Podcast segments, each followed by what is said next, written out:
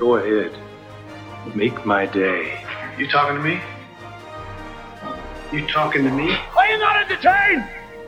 Are you not entertained? Labdien, nokļūti podkāstā Kino Kults. Kino Kults ir projekts, kur mēs fanojam par kino kopā, un Kino Kulta podkāstā katru nedēļu mēs runāsim par un ap kino, kas notiek ar kino pasaulē, Latvijā un Kino Kultā. Un šo podkāstu vada Kinokota komanda jeb saprata bēls un regulārs sergu mediātors Līvas Pandega. Čau! Nikolasa Keidža vai Džona Travoltas filmogrāfs Sergejs Timonins. Čau! Un es, Sergejs Musādos, pārtraušanas Kevins Faigi. Šo podkāstu atbalsta LMT vietējais, par ko viņam sakam T. Hanks. Un paldies arī mūsu patroniem, kas atbalsta uh, šo podkāstu. Šoreiz podkāstā mēs uh, izrunāsim par to, kuras filmas ir vērts noskatīties uh, februārī, kas uh, ir Black History Month Amerikā. Un kā arī par mūsu redzētām filmām West of Night, Eternal Sunshine of the Spotless Mind un Death of Dick Long. Good news, everyone! Atcerēsimies, atcer... gan arī jau, gan arī pirms gada bija lielais režisora Džona Hubona un viņa filmas Parazīts. Un visas komandas, protams, triumf, os, triumfs Oskaros, kas arī ar sevi kaut kādā ziņā noslēdza šī režisora vairāk kā deviņus mēnešus lielo uh, publicitātes tūri, kas sākās Kanu kinofestivālā, kur viņa filma izrādās Es biju kaut kā pat piemirsis, kad bija pirmā Dienvidkorejas filma, kas saņēma zelta palmas zaru. Nu, un, protams, tas noslēdzās ar Oskaru, bet pats galvenais, kas tajā visā bija, ir tas, ka uh, John Bull. John Hobons, piedodiet. Es viņus vismaz trīs dažādos veidos esmu izrunājis. Un viss trīs nepareizi. John Hobons uh, braukāja apkārt, tikās ar skatītājiem, ar kritiķiem, prezentēja savu filmu, bet uh, nerakstīja scenārijus un neveidoja jaunas filmas, ko viņš gan centās darīt. Un viņš jau pašā sākumā, pirms pat viņš bija atbraucis uz Kanādu, minēja, ka viņam ir divu filmu projekti. Viens angļu valodā un otrs korejiešu valodā. Nu, līdz ar to tagad ir labās ziņas tādas, ka viens no šiem diviem projektiem beidzot tad, nu, ir sarakstīts. Cerams, ka sarakstīts arī otro. Un tad varēs izlemt, kuru tad filmēt. Pagājis gads ir bijusi pelnīta atpūta, un var mūs priecēt ar jaunām, interesantām filmām. Ir zināms kaut kas uh, vairāk par uh, projektu, pro, projektiem vai tikai kā valoda? Mm, nope. tikai, tikai, tikai par valodas. Vismaz tā es sapratu. Kad, bet, zin, kā, nu, man jau liekas, ka mēs aptuveni, aptuveni varam saprast, kad, ne, nu, ko, kas no viņa būs, ka nekas jau tāds fundamentāli cits no viņa varbūt arī nemaz īsti nebūs. Es gribēju prasīt, kāda jums ir mīļākā Džona Hubona filma? Mm. Vai jūs neesat redzējuši no, visas? Starp Snowpiercer un. Ne, noteikti ne visus, eh, tīpaši varbūt agrīnos kaut kādas darbus, ne, bet. Uh, Nu, laikam, uh, starp Snowpiercer un Memories of Murder uh, būtu jāizšķirās. Es arī neesmu visas redzējis, tāpēc es nejūtos kompetenta. Bet nu, Snowpiercer ir uh, izcili. Mēs jau par Mm. filmas un Yes. ļoti daudz runājuši paši arī. Un nevelti. Es saprotu, ka jāskatās tas Netflix hosts. Uh, nu, nevis Netflix Obja. hosts, bet ho, nē, nē, hosts, kurš ir Netflixā, manuprāt. Uh, un, ja man es skatījos, skatījos man liekas, nepārāk patika, bet man šķiet, ka tas bija senos laikos, un tagad man varētu daudz vairāk patikt. Un es neesmu redzējis augšējā, tas neesmu, diemžēl. Mm. Tas arī Netflix. Labi. Jā, arī nu, uzreiz- kā, ir kāds laiciņš, kamēr būs jaunas filmas no viņa, tā kā varēsim, uh, ir laiks noskatīties Džona Hobona agrīnās filmas. Starp citu, Memories of Murder, man liekas, ka iznāca remasterētā versija gan uh, ASV kinoteātros, viņam bija uh, gan arī uz būreja. Tā kā varat iegādāties, iegādāties un noskatīties. Labi, iesim pie. Es saprotu, ka tu nosauci mani par uh, šo filmogrāfu. Pie galvenās nedēļas ziņas, kad izrādās, ka mūs gaida Face-Off remakes. Kad mēs to uzzinājām, izrādījās, ka tas nav remakes, bet gan sequels. Uh, 97. gada Džona Vūla filmai Face-Off ar Nikolasu Keidžu un Džonu Travoltu. Iespējams, viena no spilgtākajām režisora Džona Vūla, īpaši Hollywoodas perioda filmām. Uh, diemžēl man jāsaka uzreiz, uh, ka šis remakes vai sequels, vai kas tas beigās tāds arī būs, es vienkārši neticu nu, nekam. Man ir vienalga, vai tas ir remakes vai sequels. Nāk no Adama Vingārda tādu filmu kā Your Next, un arī gaidāmā Godzilla vs. Kong režis, režisora. Uh, tas ir tāds uh, neatkarīgo šausmu filmu. Mumblecore šausmu filmu režisors man nu, reāli nav patikusi neviena filma no viņa. Un, piemēram, tāda filma kā Boēras Raganas, tas sīkvals man ļoti nepatika. Tāpēc man uh, ir ļoti liels bažas par Face of remake no viņa. Par pašu. Bet tev nav Face bažas par Godzilla vs. Kong no viņa, par ko mēs varbūt tā kā kaida hintoja jau pamatīgu laiku. Man zina, zina, kāda man ir tāda sajūta par Godzilla pret Kongu, kad uh, līdzīgi kā ar Godzilla, uh, Gareta Edvards un līdzīgi kā ar Maikla Dohertija Godzilla King of the Monsters. Režisors iz- izskatās, ka šajās filmās absolūti vispār neko nenosaka. Tāpēc man nav īsti šaubu, bažas, ka viņš tur baigi kaut ko sabojās. Tāpēc man liekas, ka viņš tur ir pēc iepriekšējām filmām spriežot, šajā jocīgajā legendārī monstru versā režisors ir ļoti nosacīta vienība, kas ar, nu, tā kā, jo tie iepriekšējie režisori ir labi, un tas mm. -hmm. filmas nav tik labas, kā ir tie režisori. So, so, jā, tas kaut kādā ziņā, nu, man noteikti, man noteikti viņš ir lielākais vājākais, vājākais punkts starp uh, Godzilla, Kongu un Adamu Vingārdu. Kurš redzēja no jums to Netflix briesmīgo filmu Death Note? Kuru pat. Uh, Diemžēl es. jā, Es tieši grasījos teikt, ka, kā, ja tas uh, face-off, es nezinu, rīkvals, sauksim viņu tā, rīmēks, rīkvals, sīkvals, sīkvals, vienalga. Mēs, mēs uh, nu, runājam, ir- ka ir termins tas uh, soft reboot, un varbūt šeit viņš arī tikai ir Nu, pieļaujams. varbūt. Jā, uh, zināmā mērā, ja tā filma ir kaut kas līdzīgs The Guest, kam tas, es domāju, varētu būt nu, kaut kāda toņa ziņā, ne jau tas mm -hmm. ziņā, tad, tad būtu ok, jo The Guest bija diezgan. jā tā bija, ka viņa labākā filma kaut kādā ziņā, Jā, kas no bet, viņa ir. ja tas ir kaut kas tuvāks Death Note, kas ir viena no atbaidošākajām filmām, ko es jebkad esmu redzējis, tad, tad droši vien ka tas entuziasms pazūd. Zini, kas man šokēja filmā Death Note visvairāk, ja neskaitot to, cik tā bija slikta, bija tas, ka tajā filmā ir beigās blooperi.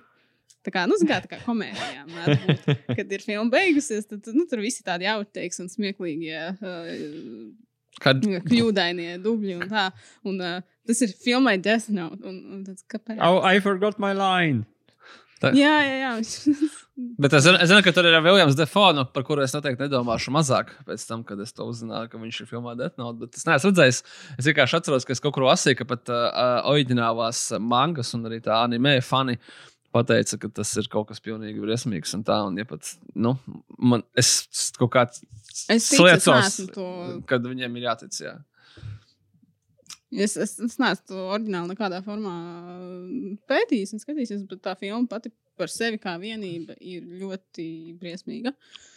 Tā ka tas uzticību nevieš. At, atpakaļ, pie, atpakaļ pie topika, kad uh, nu, Face of uh, remakes, kurš pēc tam, ko viņi paši sociālos tīklos jau ka tas tomēr ir sequels, tieši turpinājums. Zini, kā es esmu atceros, kad uh, jau bija uh, Total Recall remakes, kur viņi teica, nē, nē, nē mēs būsim, uh, mēs akli sakosim grāmatai, tas būs kaut kas pilnīgi cits. Tas ir Colinu Farelu, kas vienkārši ir copy-paste Schwarzenegger filmai.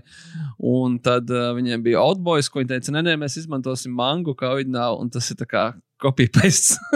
Nē, es vienkārši neti- zini, neticu Paga, paga. Bet uh, Oldboy bija tomēr kaut kā viņš arī citādi gāja, bet tas, ka viņš citādi gāja, laikam bija arī problēma. Ja viņi paņemtu un nokopētu tas, kas darbojas Oldboy original no parka, tas jau būtu pat varbūt labāk. Es nezinu. Man liekas- man, liekas, viņš atceries, bija- bijis ar Lee Oldboy. Jā, jā, man arī, bet vienkārši likās, ka viņš tāds ļoti blāva uh, tās uh, filmas kopija. Tur nav tā, ka viņš ir fundamentāli citādāks, ja arī vispār citādāks. Tur pat ir vizuāls ainas, tiek kopētas viens pret vienu. Un, uh, Nu jā, vienkārši es skatu kaut kādu šo Hovuds bušutu, ka ķipa, tā kā mēs netaisām ka mēs taisām sīko, mēs taisām. Nu, es vienkārši noskatīšos, es vienkārši domāju, nu, jā, kam, kam tas ir vajadzīgs un priekš kam. Nu, jā. Bet uh, paturpinot, nevis paturpinot, bet nobeidzot par Defnote, ja uh, varbūt Defnote ir uh, tas, tas sliktais piemērs, tad, uh, bet gribas noskatīties kādu filmu ar Def nosaukumu, tad Def Sentence ar Kevinu Baconu bija diezgan laba revenge filma. To es, uh, to es varat iemest arī. Kā ieteikt. no Jamesa Vona, bet nu, ļoti tumša filma. Es, atceros, ka, es Yes. domāju, ka varbūt vajadzētu noskatīties viņu vēlreiz, bet, bet es neesmu drošs, ka esmu gatavs sevi tam pakļaut vēl vienreiz. Tā kā emocionāli viņa ir ļoti tumša. Uh, bet, ja jau mēs runājam par uh, uh, vecu, nu, vairāk kā 20 gadus vecu, bet klasisku filmu remakiem, Tad uh, veselas divas, uh, divas ziņas, kur uh, nevis filmu formātā, bet seriāla formātā, jeb serializēta satura formātā. Jo neviens, nu, nevienmēr tas būs tieši televīzijā. Misters un Mrs. Smita un patiesie meli kā seriāls. Un par patiesiem meliem ļoti īsi pēc tam, bet uh, Misters un Mrs. Smita seriāla formātā veidos uh, Pagaid, pagaid, zini kā? Jā. Pagaid, Nu-. Vienkārši līdz brīdim, kad veidos, tad Mr. Smith seriāls tev tā kā interesē ir apmēram nu, pie nulles. Jo tā kā kurš to īpaši gaida, vai ne? Un tad pasaki to otru daļu. Un viņu veidos uh, Phoebe Waller Bridge un uh, Donalds Govers. Salt! Mm. Bet tas tev sargai liekas saldi, jā? Es par šo domāju kaut kādu laiku. Absolūti, absolūti. Salt. Viņi arī ne tikai kā galvenie varoņi būs, bet viņi būs arī kā executive producers. Jā, jā, viņi veidos ka- reāli. Tā kā viņi veidos Jā, un nevis. ņemot vērā, ka vienam tad savukārt eh, ir pieredze ar Atlanta, kas ir viens no interesantākajiem seriāliem, kas eh, šogad Mhm. iznāk. Viņš ir absolūti savāds. Viņš nav īsti tas, kas ir uz papīra uzrakstīts. Un es Mm. noteikti iesaku eh, noskatīties. Es, nu, viņš var neaiziet, bet ja viņš aizies, tad viņš kļūs par viens no jū- jūsu mīļākajiem seriāliem. Un savukārt Fibijai, nu, viņa tā ir Fibija. Viņa, viņa ir Fleabag un Run un Killing Eve pirmā sezona. So arī tas ir noteikti iespaidīgs CV, un kad viņi sadarbosies kopā, nu, obviously var būt arī tāda štēle, ka, ka viņam kaut kas nesaskan, bet man tādas aizdomas, ka viņam tieši saskan šis uh, projekts, tāpēc, ka es nevaru iedomāties citu pasauli, uh, kuriem neskan, nesaskanētu pro, uh, projekts, un viņi pieteiktos uh, to projektu abi rakstīt. Viņiem jau saskanēja filmā Solo, Jā. kur viņi abi bija. Viņi, tad viņi satikās kaut kādā reizē tur uzņemšanas laukumiem. Ne? Nu, to es nezinu. Nu, Valera Brīdža tur eh, ne, nepārrakstīja arī scenāriju. Nē, es tagad kaut ko. Tas ir Džeimsam Es jautru Viņa paraksta. Jā. sorry. Uh, bet, zini, kā es. Uh, Visi es šitie sajukuši vienā putrā. nu, īstenībā, diezgan, nu, tu, man vajadzēja nočekot, ko viņi iztēloja uh, solo. Tad es padomāju, ah, nu, jā, pareizi, to an- Android. Nu, jā, nu, viņa, jā. nē, nu, kā viņa tēloja to robotu, kur, kuram Jā, jā, jā. Jā. uh, varonis sit kanti. Nu, Tad jau satikās pareizi, ir kā robota. Nu, tad jau vajadzētu nu, būt. Jā. Bet, zini, kā man, man bija tāds, es kā palasīju komentārus uh, par kaut kādā šajā lapā. Nu, viņi bija dažādi komentāri par šo ziņu. Mm. Bet, zini, kā es padomāju, no vienas puses tevi saprotu, Sergei, ka tas ir viss ļoti krūta. Bet jautājums ir, priekš kam? Priekš kam viņiem to vajag? Uh, tev, tev, man tāpēc, ka tev, jā, no, te- te- tev absolūti taisnība, ka Misters, un Mrs. Smita ir ļoti viduvēja filma. Bet man kā cilvēkam, kurš tā kā nosacīti, N- nosacīt, es pat nezinu, esmu redzējis viņu divas vai trīs reizes. Es nezinu, kāpēc. Es nostājos viņu kinoteātrī, es nostājos viņu vēl mājās. Un viena reize man nebija tā, ka man jebkurā brīdī es varēju pateikt, ka man tā filma kaut nu, kā patīk. Viņa bija ok. Uh, viņa ir, manuprāt, viena no vājākajām Daga Laimana filmām. Viņai, uh, viņai visinteresantākais ir viņas production history. Un, un uh, var apstīties internetā un uzgooglēt, tur ļoti daudz izgriezt to ainu, kur sākotnēji tā ir pilnīgi cita filma ar citu sižetu, citām ainām, citu endingu. Viņi tur pārfilmēja nu, tādiem uh, frīkiem kā es, kam patīk uh, zināt, kā filmas top. Tur ir kaut kāda tipa, vispār paralēla filma, var samontēt ar citu storyline, gandrīz vai kā. No šiem tas bija tāds neveiksmīgs projekts, bet uh, man šeit Laimanam tā ļoti bieži, ka viņš pārfilmē uh, jau daļu filmas, un nu, tas ir cits, cits stāsts. Bet, uh, manuprāt, jā, kad saka, ka uh, Mr. un Mrs. Smith, labi, tur ir interesanta ideja, ka viņi ir uh, lavāts pāris, kas katrs ir, ir slepenais. Nu, wow. mm. Jautājums ir, uh, varbūt manā pasaulē tā nav tik ģeniāla ideja, ka tu teiktu, ok, tā ideja ir absolūts gold. Un viņi ir jāņem. Un tāpēc es domāju, ka Gonalds Govers un, un, un Fībe laikam uzskata, ka tā ideja ir tik laba, ka viņi paņems tikai to ideju. Un obviously, ka ar viņiem, ja mēs saprotam, ka eh, skatītāju acīs šobrīd Mr. un Mrs. Smita ir tas, kur ir Brits Pits un Anģelina Jolie. Nu, tipa divi seksa simboli, tādi absolūti seksa simboli, super skaisti cilvēki, uh, akcents, tur komēdija, tā tālāk. Nu, bet uh, mēs tad liekam Donaldu Gloveru un Fibiju, kuri ir absolūti tie superstarri un seksīgi cilvēki. Soulfits! Nesaka, ka viņi nav. viņi ir. No, zini kā, vot Es tā- es laikam nepiekritīšu, ka nav. Es, kā domāju, ka Nu, okay, ja citā, ir ja citā runājam- kategorijā, kā Brits Pits un Andrija nu, zini, kā es precizēšu, tas uh, laikam nav, uh, ja mēs skatāmies uz Jolī tad, uh, un, un Pītu, tad uh, viņi savā kategorijā, kas ir aktieris, viņi, jā, viņi ir absolūti, ja mēs vērtējam tikai aktiera škālā, tad viņi ir top notch. Bet, uh, ja mēs skatāmies, teiksim, kopējo, ko Fibija un Donalds ir izdarījuši, mani, mani pals, friends, Fibija un Donalds. Bet Um, kāpēc, to, kāpēc, to, kāpēc to šeit lietas klāt, ko viņi ir izdarījuši?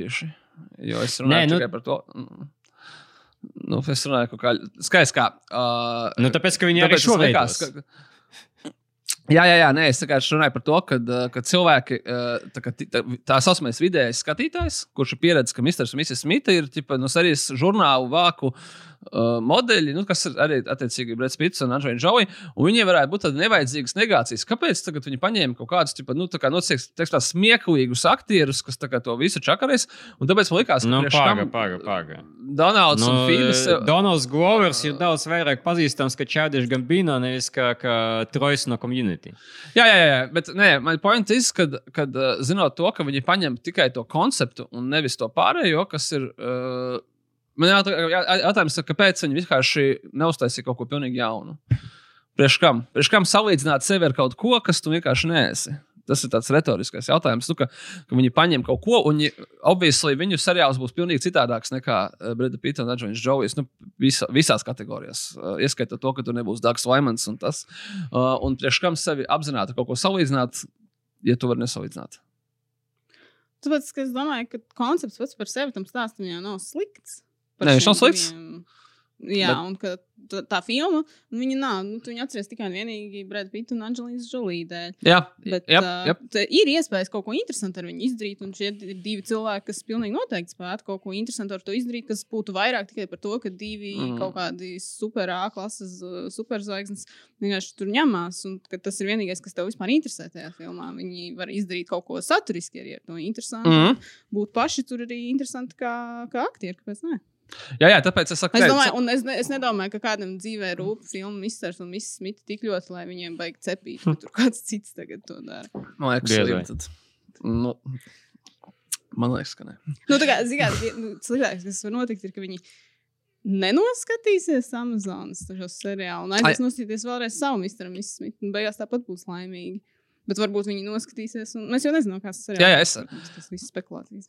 Es, es tāpēc saku, man, man, es esmu ex- excited par to, ka viņš būs, bet saku, ļoti teorētiskā ziņā man vienkārši izbrīna. Man interesē vat, atbild uz jautājumu, kāpēc divi cilvēki, kas ir obviously anormāli kreatīvi, kas ir šāvuši ārā ar visu kaut ko oriģinālu un interesantu, pēkšņi ir pieķērušies, manuprāt, viduvējam konceptam un pateikuši, vai mēs taisīsim tagad Mr. Smith, lai gan šis, manuprāt, nu, viduvējā, viduvējā filma Mr. un Mrs. Smith ar samērā interesantu konceptu, viņi ir hugely populāri. Pēc box office, pēc skatījuma, viņi ir ļoti Nu, tas uh, atbild uz jautājumu, kā viņi varētu dabūt to auditoriju. Bet man liekas, ka redzi, tas, ka tu saki, ka, kāpēc viņi uh, tam piekristu, tas arī man visvairāk fascinē. Jo skaidrs, ka Fibija Lorija Brīdžai, kur uh, ir sapildījusi savu CV, viņai durvis ir atvērtas. Viņa var Jā. darīt jebkuru projektu. Tas pats E- ir Gloveru. Exactly. Arī jebkuru projektu. Un kas nozīmē, ja viņi abi piekrita strādāt, abi divi pie šī projekta, es ceru, ka tas nozīmē, ka viņam kaut kas ir pamatā. Kaut kāda ideja, kuru viņi gribētu realizēt. Ka tas nav vienkārši tā, ka, nu, zini, ka tekstīša pēc viņa uzfilmē seriālu. Nē, ka tur actually ir kaut kas interesants. Un es actually domāju, ka, ja skatāmies uz Mr. un Mrs. Smith un Killing Eve pirmo sezonu, ka uh Mhm. -huh. Killing Eve tas, tas uh, garas stāvoklis, kas tur piemīt, kur ir komēdija, bet ir arī kinda spiegi, bet ir kinda arī asinis un action, ka tas ļoti labi varētu adaptēties arī Mr. un Mrs. Smith. Nu, obviously, tāpēc, ka tas arī bija kinda, ne nu, tikai asinis, bet bija filmā.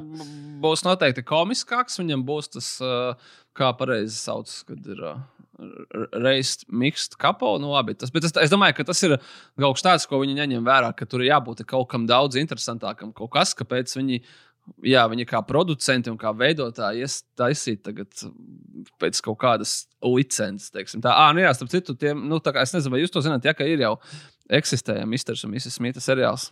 Vismaz viņam viena sērija eksistēja. Tāpēc, ka, kad iznāca filma Tad uh, vienā no, es neatceros, kurā NBC vai ABC viņi uztaisīja uh, seriālu pilotu sēriju, kur bija uh, tie paši varoņi. Tikai Breda Pita vietā bija Mārtiņš Hendersons, un Anģelīnas Džovijas vietā bija Jordana Brewster no Fast and Furious. Un, uh, laikam, jau, kad bija tik slikti, viss, ka tā pilota sērija neiznāca publiski, un par to seriālu aizmirst. Bet viņš tā kā nu, kaut kur tā viena sērija eksistē, viņš ir uztaisīts. so, so, jā, šis ir obviously pilnīgi, pilnīgi citādāks. Bet jā, es tikai tā gribēju, man, man radās tāds pārdomas par to, kāpēc cilvēki, kas var, kuri ir retie cilvēki, kuri var taisīt jebkādu, jebkādu savu oriģinālo ideju, viņiem pēkšņi jātaisa, kāpēc ir. Jā. Nu, nu, un, nu, gaidam. ja mēs arī par tiem mazajiem faktiem, tad uh, interesanti bija, ka mm, bija taču paredzēts prequels tai filmai. Un, un uh, bija sarakstīts scenārijs, un tā tas tapu par Keeping Up with the Joneses. Nopietni? Jā, O, jā, viņi bija domāti, ka tas būs viss vienā universē. O, nu jā, kā it makes sense. Kā, nu jā. Nē, nu redzi, kā. Kā, kad, tāpēc es saku, man, man tiešām grūti to saprast, ja man tā filma liekas ļoti, ļoti viduvēja. Un, es domāju, kāds tur cinematic universe un Mr. Smita. Bet tajā pašā laikā, tāpēc es arī saku, ka es zinu, ka ļoti daudziem cilvēkiem, tā skaitā mainstream publikai, tā ir super filma un viņa ļoti populāra. Un man ir sajūtas, ka uz Donaldu un uz Fībiju būs kaut kādas mērķētas negācijas uh, tikai tāpēc, ka tas ir kaut kas tik ļoti citādāks nekā cilvēki ir pieraduši. Man ir tāda sajūta, ka priekš kā viņiem tas ir vajadzīgs, ka viņi varēja no nu, tā izvairīties. Tev bija fine. Es domāju, ka viņi ir pieraduši pie negācijām. Nu, varbūt arī. Jo es uzskatu, ka Trojas seriālā viss ir daudz vienkāršāk. Džeims uh, Kamerons ir devis savu svētību režisoram Makģī veidot jūtu. Oh! Kas nozīmē, ka uh, James Camerons ir labs cilvēks, no kā mums visiem mācīties, un viņš netur uz Makģī ļaunu prātu par Terminator Salvation. Es tieši domāju, ka vai tad James Camerons nav iemācījies no savas iepriekšējās kļūdas, kas notika. Vai arī tas liecina tikai par to, ka Džeims Kamerons uh, visās tajās terminatora intervijās nāk, un viņš pat nezina, kas viņas veido un kāpēc. Viņš vienkārši saka, jā, jā, šī ir ļoti laba filma, tieši tā, kā mēs gribējām. Man ir laiks doties filmēt avatārus. Paldies par naudu. Pārskaitiet, tur man ir cilvēki, kas sazināsies ar jūsu cilvēkiem. no acīm redzot, nu tā, okay. nu, nu nezinu. Nu, Trolais seriāls jau arī. Bet, zināmā mērā, man liekas, ka Trojas seriāls ir līdzīgs kā Mr. un Mrs. Smita seriāls. Palielam, tas ir šis seriāls par superaģentiem komiskā ne? formātā. Nu, jā, tas ir. Viņi abi, abi ir nosacīti slepeni aģenti un kaut kādi eksotiskie piedzīvojumi. Nu, gaidām. Uh, jā, uh, Mr. Smith gan būs Amazon Prime video. Jā, bet uh, True Eyes mm. būs vienā no šiem CBS vai, vai NBC. Nu, respektīvi, tur vienam no viņiem ir daudz lielāks potenciāls kā otram, ja jūs mūs saprotat. Turpināsim ar seriāliem un ar HBO. Ja jau mēs ejam tikai uz augšu, un ar The Last of Us seriālu, uh, kultu video spēles ekranizāciju, par kuru mēs esam runājuši, man liekas, pat vairākos iepriekšējos podkāstos. Bet, uh, un, uh, mēs bijām minējuši to, ka uh, režisors, Krievijas režisors Kantemīrs Balāgaus režisēs uh, vienu no bijām. Vai nebijām? Man šķiet, Es nezinu, man šķiet, ka jā, bet uh, katram gadījumam, jā, Kantīna Bagāgov, kas ir pazīstams ar uh, filmām Cisnatā un Bilda, ja Binpau, kas uh, ieguva arī gana plašu rezonanci, jo daudzi um, kritiķi, un ne tikai kritiķi, arī bijušie ASV prezidenti ielikuši to savā topā. Uh, es noteikti iesaku noskatīties Bilda. Pasaki, okay. kurš? jā, ne Trumps. Jo Trumps būtu mīnus tajā filmā, ja viņš ieliktu to topā. Bet es labprāt redzētu no, no viņš Trumpa viņa top 10. Skatās tādas filmas. Viņš taču skatās tikai yeah. Fox News. Un tos pat arī vairs. Nu. Bet, nu, varbūt tas ir Fantastic Mr. Fox vai kaut kas tāds, jā. Fantastiski, Mr. Fox. Uh, anyways, uh, tad, tad uh, Kantamīrs, jā, viņš veidos uh, pilotu, jeb viņš arī uzstādīs to, to vizuālo stilu, un uh, tas ir ļoti interesanti izvēle, uh, un, un uh, galīgi nebija īsti gaidīta, bet varbūt kaut kāda ziņā arī loģiska, ņemot vērā, ka, teiksim, uh, pātē pašā dildi viņam sanāca ļoti tādi dzīvi personāži uh, kara apstākļos, un, un šeit arī ir stress uh, ārā uh, seriāla Last of Us, un tad uh, tie dzīvi personāļi, kam mēs sekosim. Un, un mēs esam savukārt uzzinājuši, kas viņu spēlēs. Jā, un Dilda jau ir vēsturiskā filma, līdz ar to viņam ir labs, laba pieredze darbā ar dekorācijām. Un uh, Last of Us nav vēsturiskā, bet uh, postapokaliptiskais stāsts un filmas seriāls.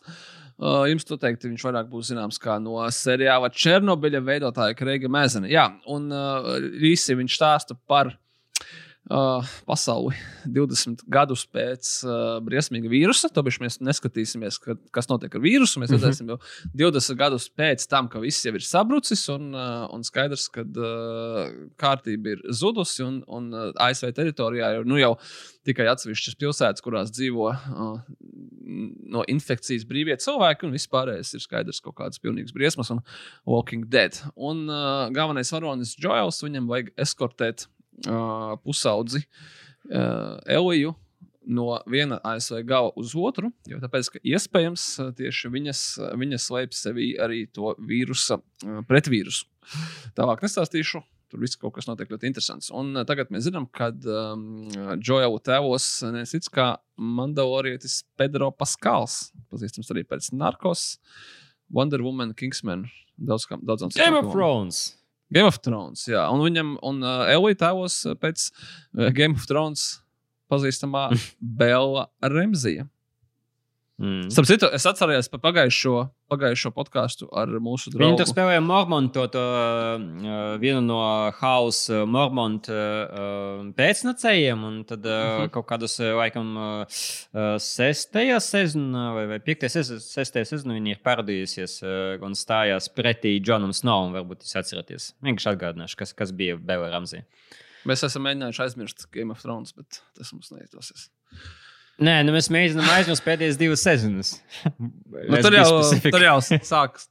Uh, kā, kā sauc uh, tai- tai- Taivīnu Anisteru? Nu, tagad es aizmirsu. Es viņam veltīju veselu topu. Dance? podkāstā. Charles Dance. Izrādās, ka Čārlis Dants ir bijis kopā ar Emīliju Klārku filmā Me Before You. Jā. Es kaut kā to biju palaidis mm -hmm. garām. Kāpēc es šo faktu nepateicu pagājušajā reizē, es nezinu. Bet, uh, jā, anyway. anyway.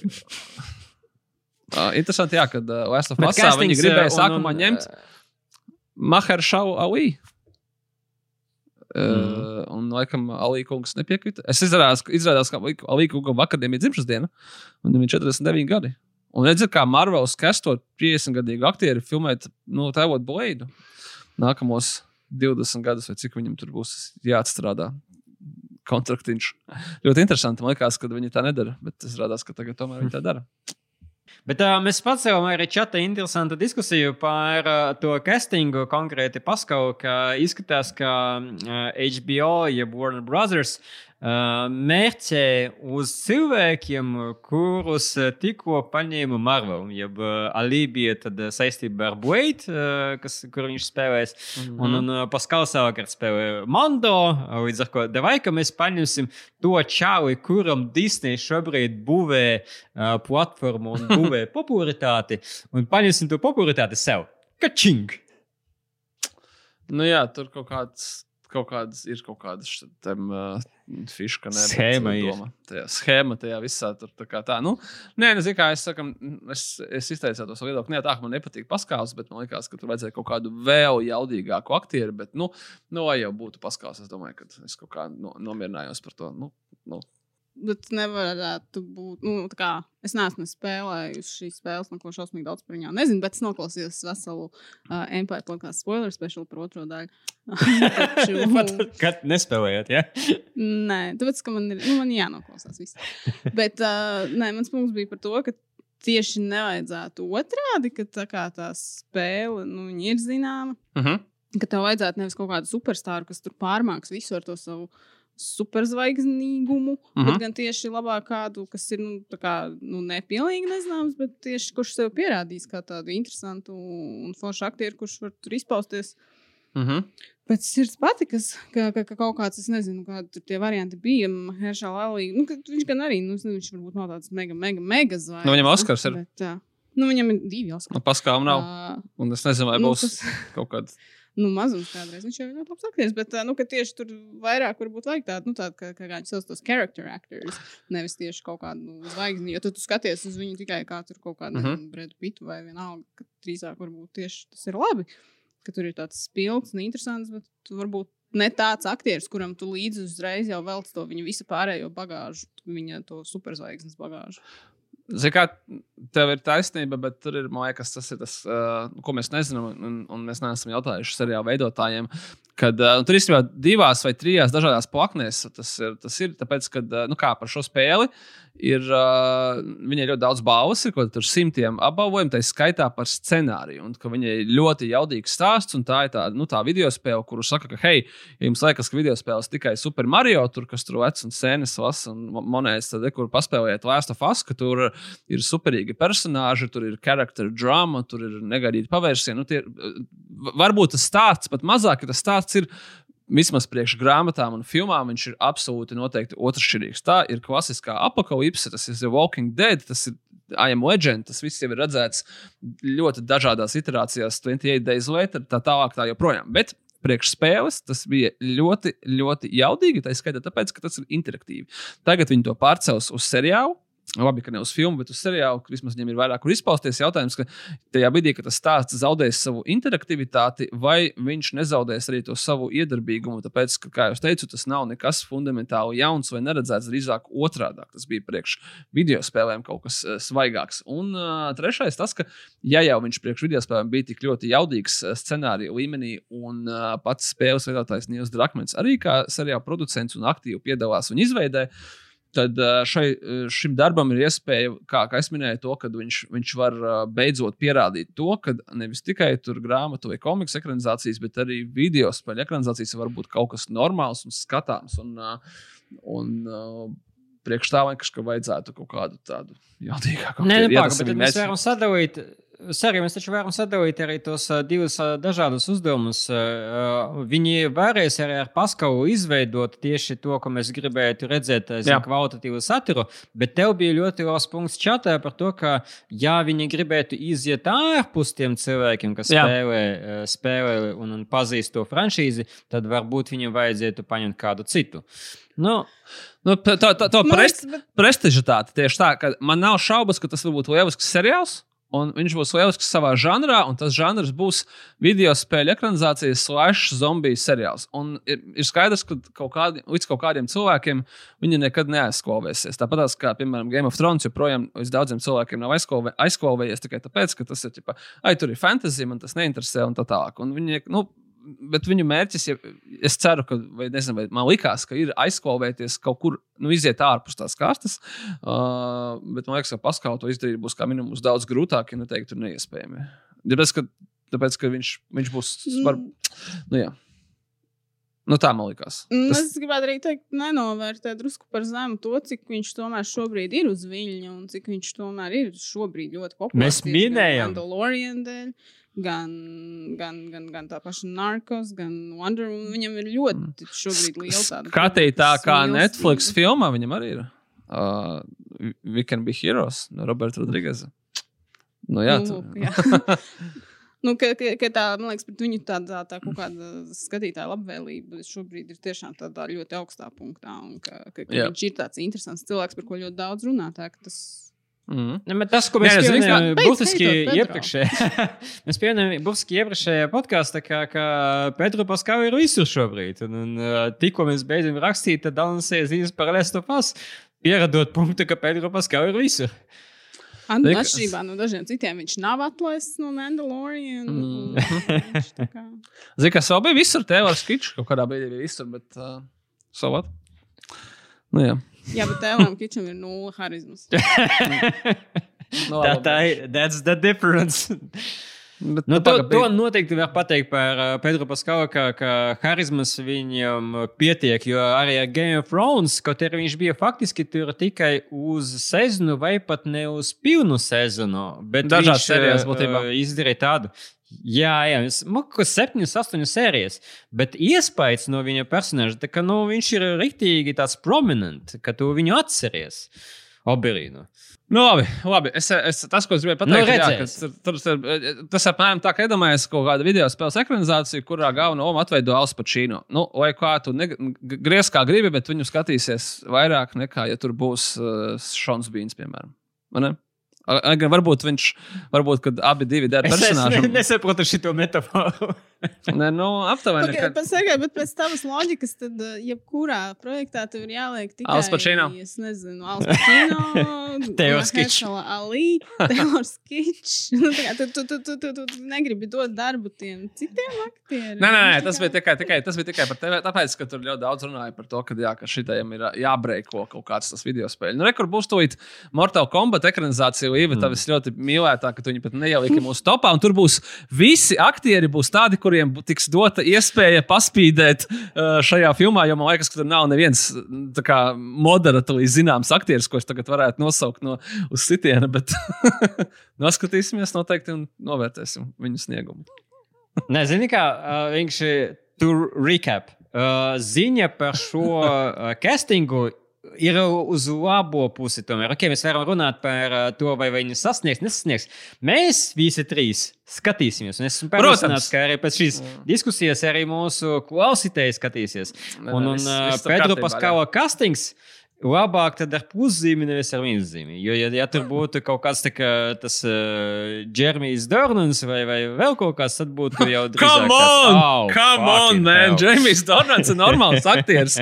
Viņš, gri- viņš ir tā kā Patinsons, viņam ir tā kā Patinsons, tad viņš vairs neuztver kā Twilight. kā. Twilight aktieri. Un, uh, un Dornans ir normālās lomās un cenšas izkļūt ārā no tā.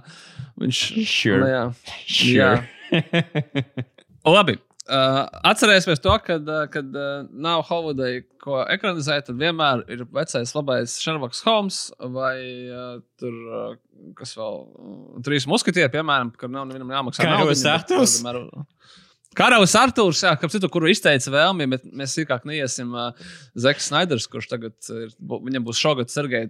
Priekš tevis viņam būs ļoti daudz intervijas, ja viņam ir divi projekti, vismaz divi, kuriem mēs zinām. Tā viņš daudz runās un uh, stāstīs, ko viņš grib filmēt. Viņš grib filmēt uh, autentisku karalu Arthuru, bet man liekas, ka Zeks Snaiders ir nokavējis mazliet, tāpēc, ka mēs pēc pēdējā Ričija Arthura neredzēsim Arthuru vēl ļoti ilgu laiku un neskatoties ne uz kādām vēlmēm. Bet jā, karalis Arthurs. Šerloks Holmes vai trīs muskatieri, kurus gan mums uh, sola pie tam sola veselās divās filmās, kuras tiks filmētas paralēli. Uh, tas ir Eiropas projekts, kurā ir tādi aktieri kā Eva Grīna, Vinsants Kasels, Oliveris Džeksons, Koens un daudzi citi. Un, jā, viņi būs sadalīti divās filmās. Um, trīs muskatieri Dartaņants un trīs muskatieri Milēdijas. Ar citu Eva Grīna, kā reiz tagad arī Milēdiju atveidos. Un uh, 70 Mm. miljonu dolāru. Ne uzņemšana Fra-? Jā, ok, nu labi. Jā, būs Tur jā, labs komentārs bija par kaut kur, kad uh, pretēji visām pēdējā laika ekranizācijām, kur uh, visi uh, aktieri tiek, ne, bet visi personāļi tiek manāmi atjaunināti vecumā.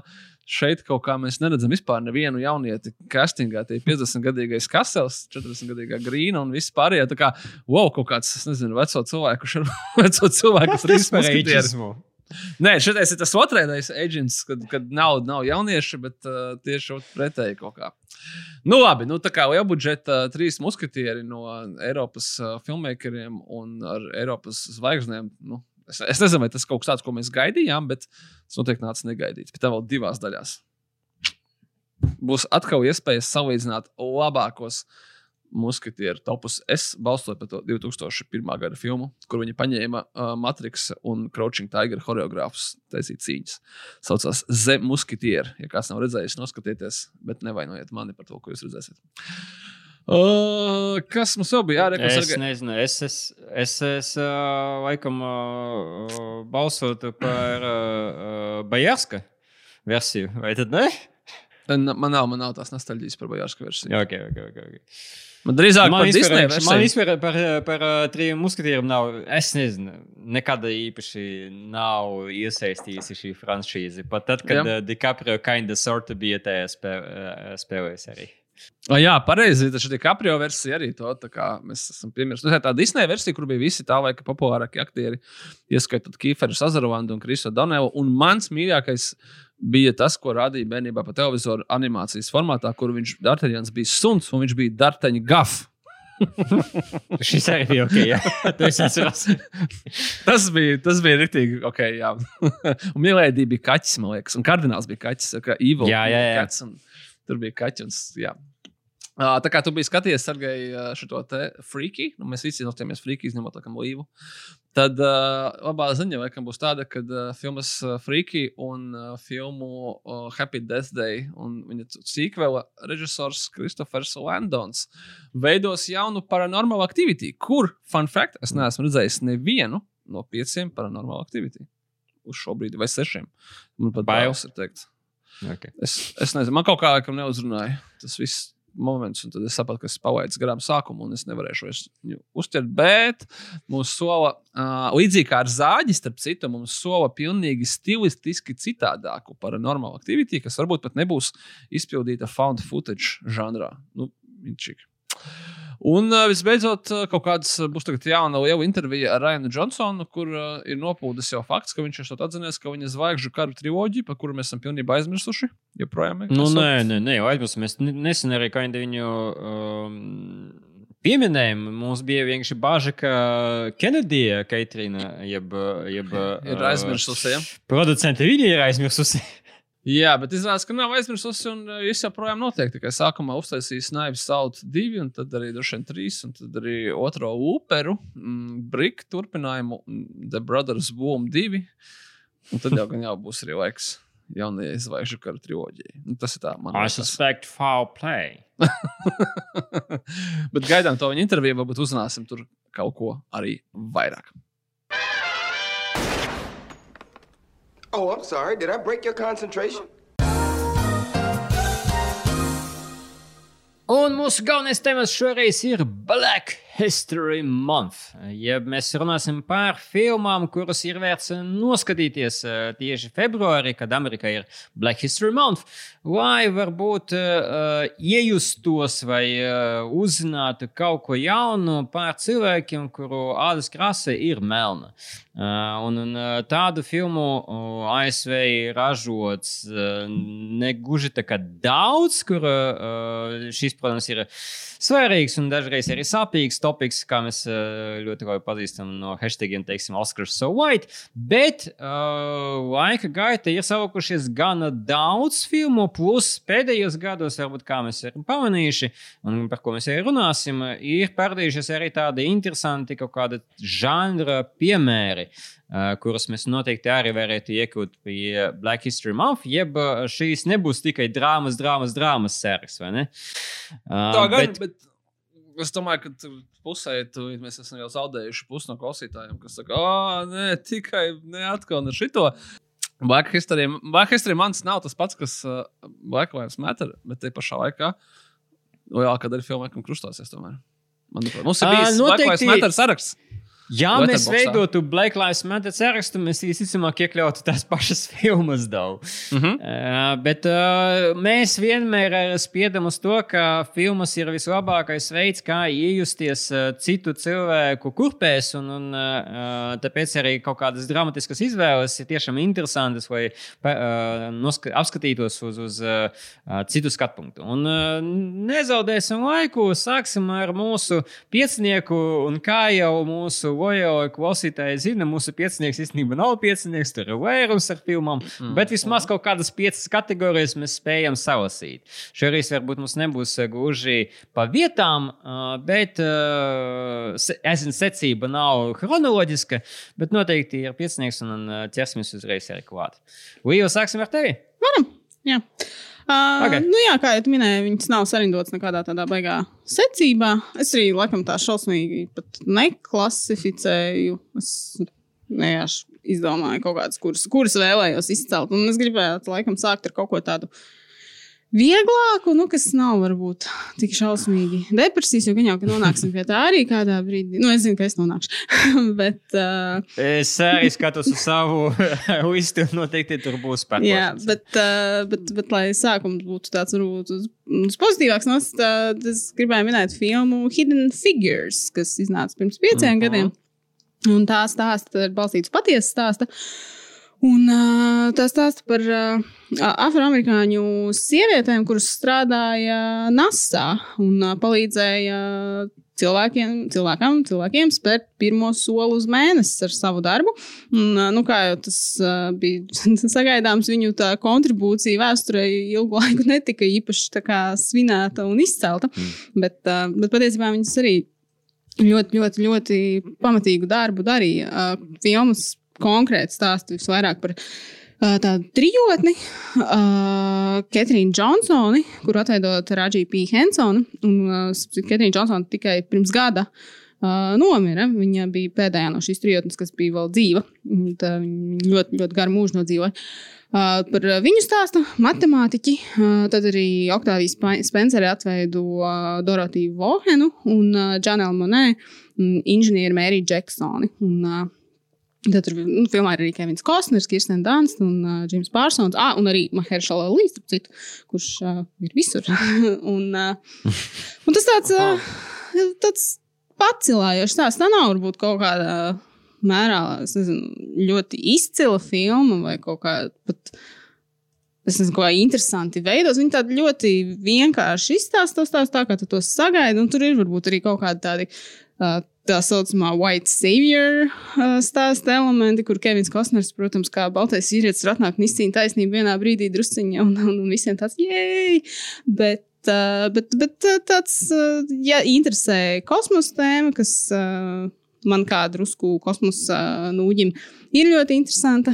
Nu, jā, tātad šī filma, man liekas, tāda nu, interesanta ne tikai no, no šī tī, Black History perspektīvas, kas izstāsta tādu stāstu, ko daudz noteikti nav zinājuši līdz šim, bet arī viņa būs interesanta, saka, ja tev interesē tāda kosmosa tēma, ja tu esi nedaudz tā kā space nerd, tā kā es, tad, tad tas, tā mm. noteikti ir tāda vēstures epizode, ko ir vērts papētīt. Un, un, un, un tad pēc tam jau ir, var arī atrast grāmatu. Es to vēl neesmu izlasījusi, bet kaut kas, ko noteikti kaut kādā brīdī gribēšu izlasīt. Tāds, nu, tāds, tāds pozitīvs stāsts. Bet, Lieva, vai nav tāds, piemēram, tu ielika filmu The Help kaut kur turpat līdzīgi? Ja, nē. Uh, mēs... The Help ir bišķiņ, bišķiņ ķēpīgāks un nesmukāks stāsts. Tas, kā viņš viņu stāsta, es teiktu. Viņš vai... ir. Uh... Jā, jā, noteikti. Es vienkārši domāju, žanrā tā kā vēsturiskā filma. Par, Drusku. Melnādainiem cilvēkiem viņas sasniegumi, kaut kāds paralēls var vilkt. Noteikti. Nav pamanīti vai, teiksim, nav novērtēti līdz šim. Teiksim, es atradu, ka man ir vairākas, ah, vēl Stevena Spielberga filma The Cover Purple, atceries, mēs bija tāda. Nu, kas arī ir. Uh... Color Problems bija citā kategorijā, droši vien es pat liktu. Bet, uh, nē, to help salīdzinājumu saprotu. The help, mm -hmm. man liekas, ir kaut kā krietni tomēr patronizējošāk. Un atcerieties, ka The help ir stāstīta no tās baltās sievietes perspektīvas vairāk. Viņa tā kā. Jā, jā, jā. jā, jā tas šeit tomēr. Jā. Tās, tā, tā trijotne ir centrā, un jā, tur ir kaut kādi, kā jūs teicat, tie tādi white savior elementi, bet, bet, mm -hmm. bet uh, viņi nav tik, man liekas, varbūt uzsvērti kā tur.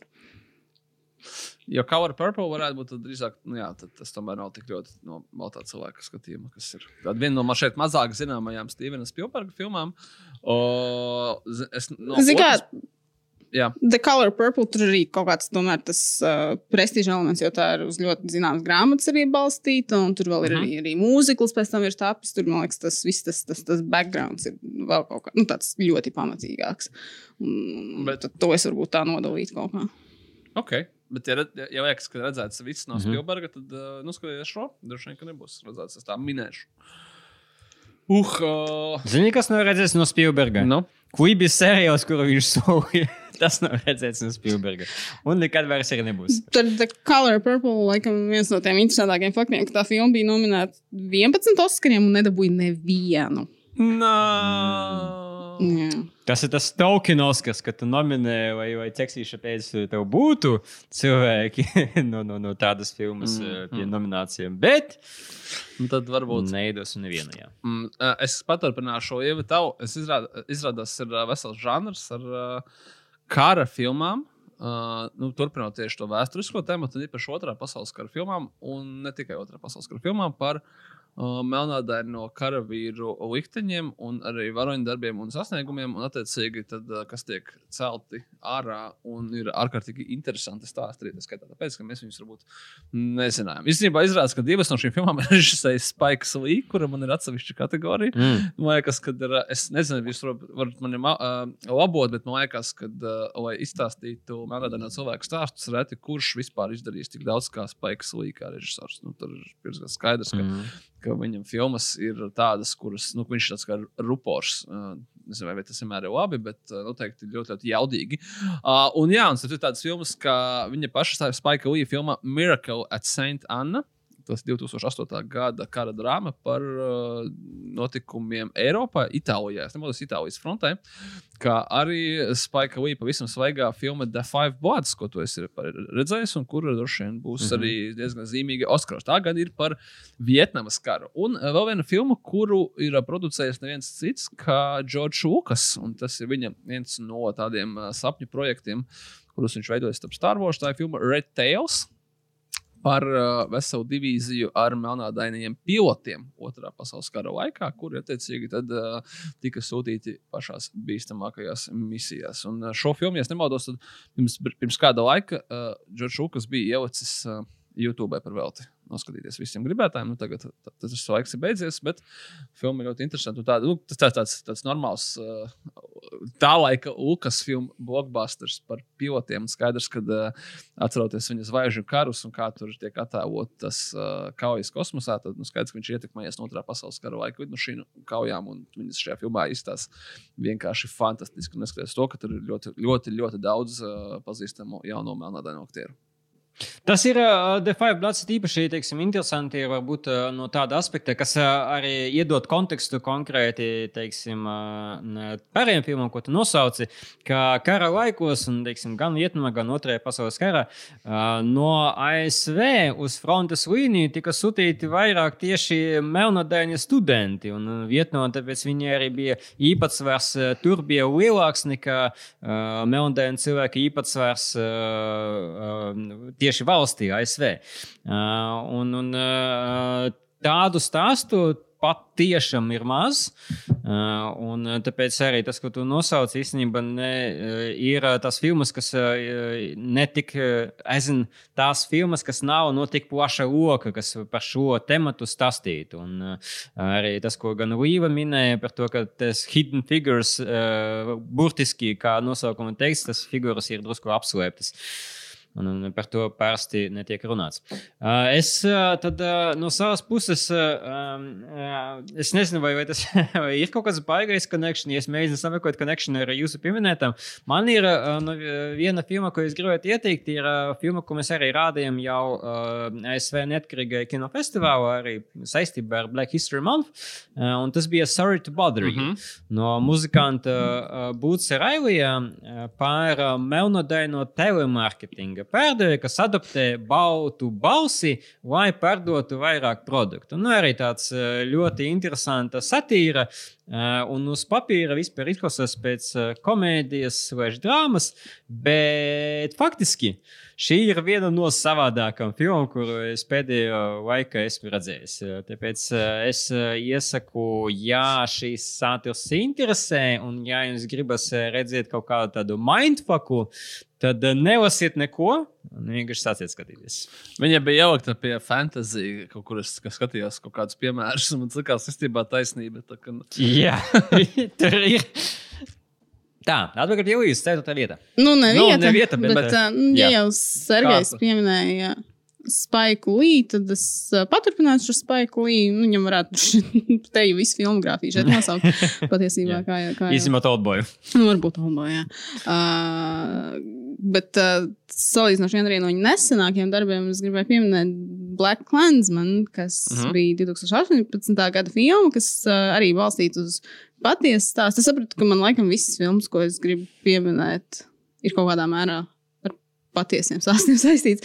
Bet, Mm. uh, bet šī tātad, uh, tās darbība norisinās 70. gados un stāsta par uh, melnādainu detektīvu, kurš uh, pa telefonu izliekas uh, baltādēns, un viņš būtībā viņš mēģina iefiltrēties Kukluks klāna vietējā tajā sadaļā, organizācijā.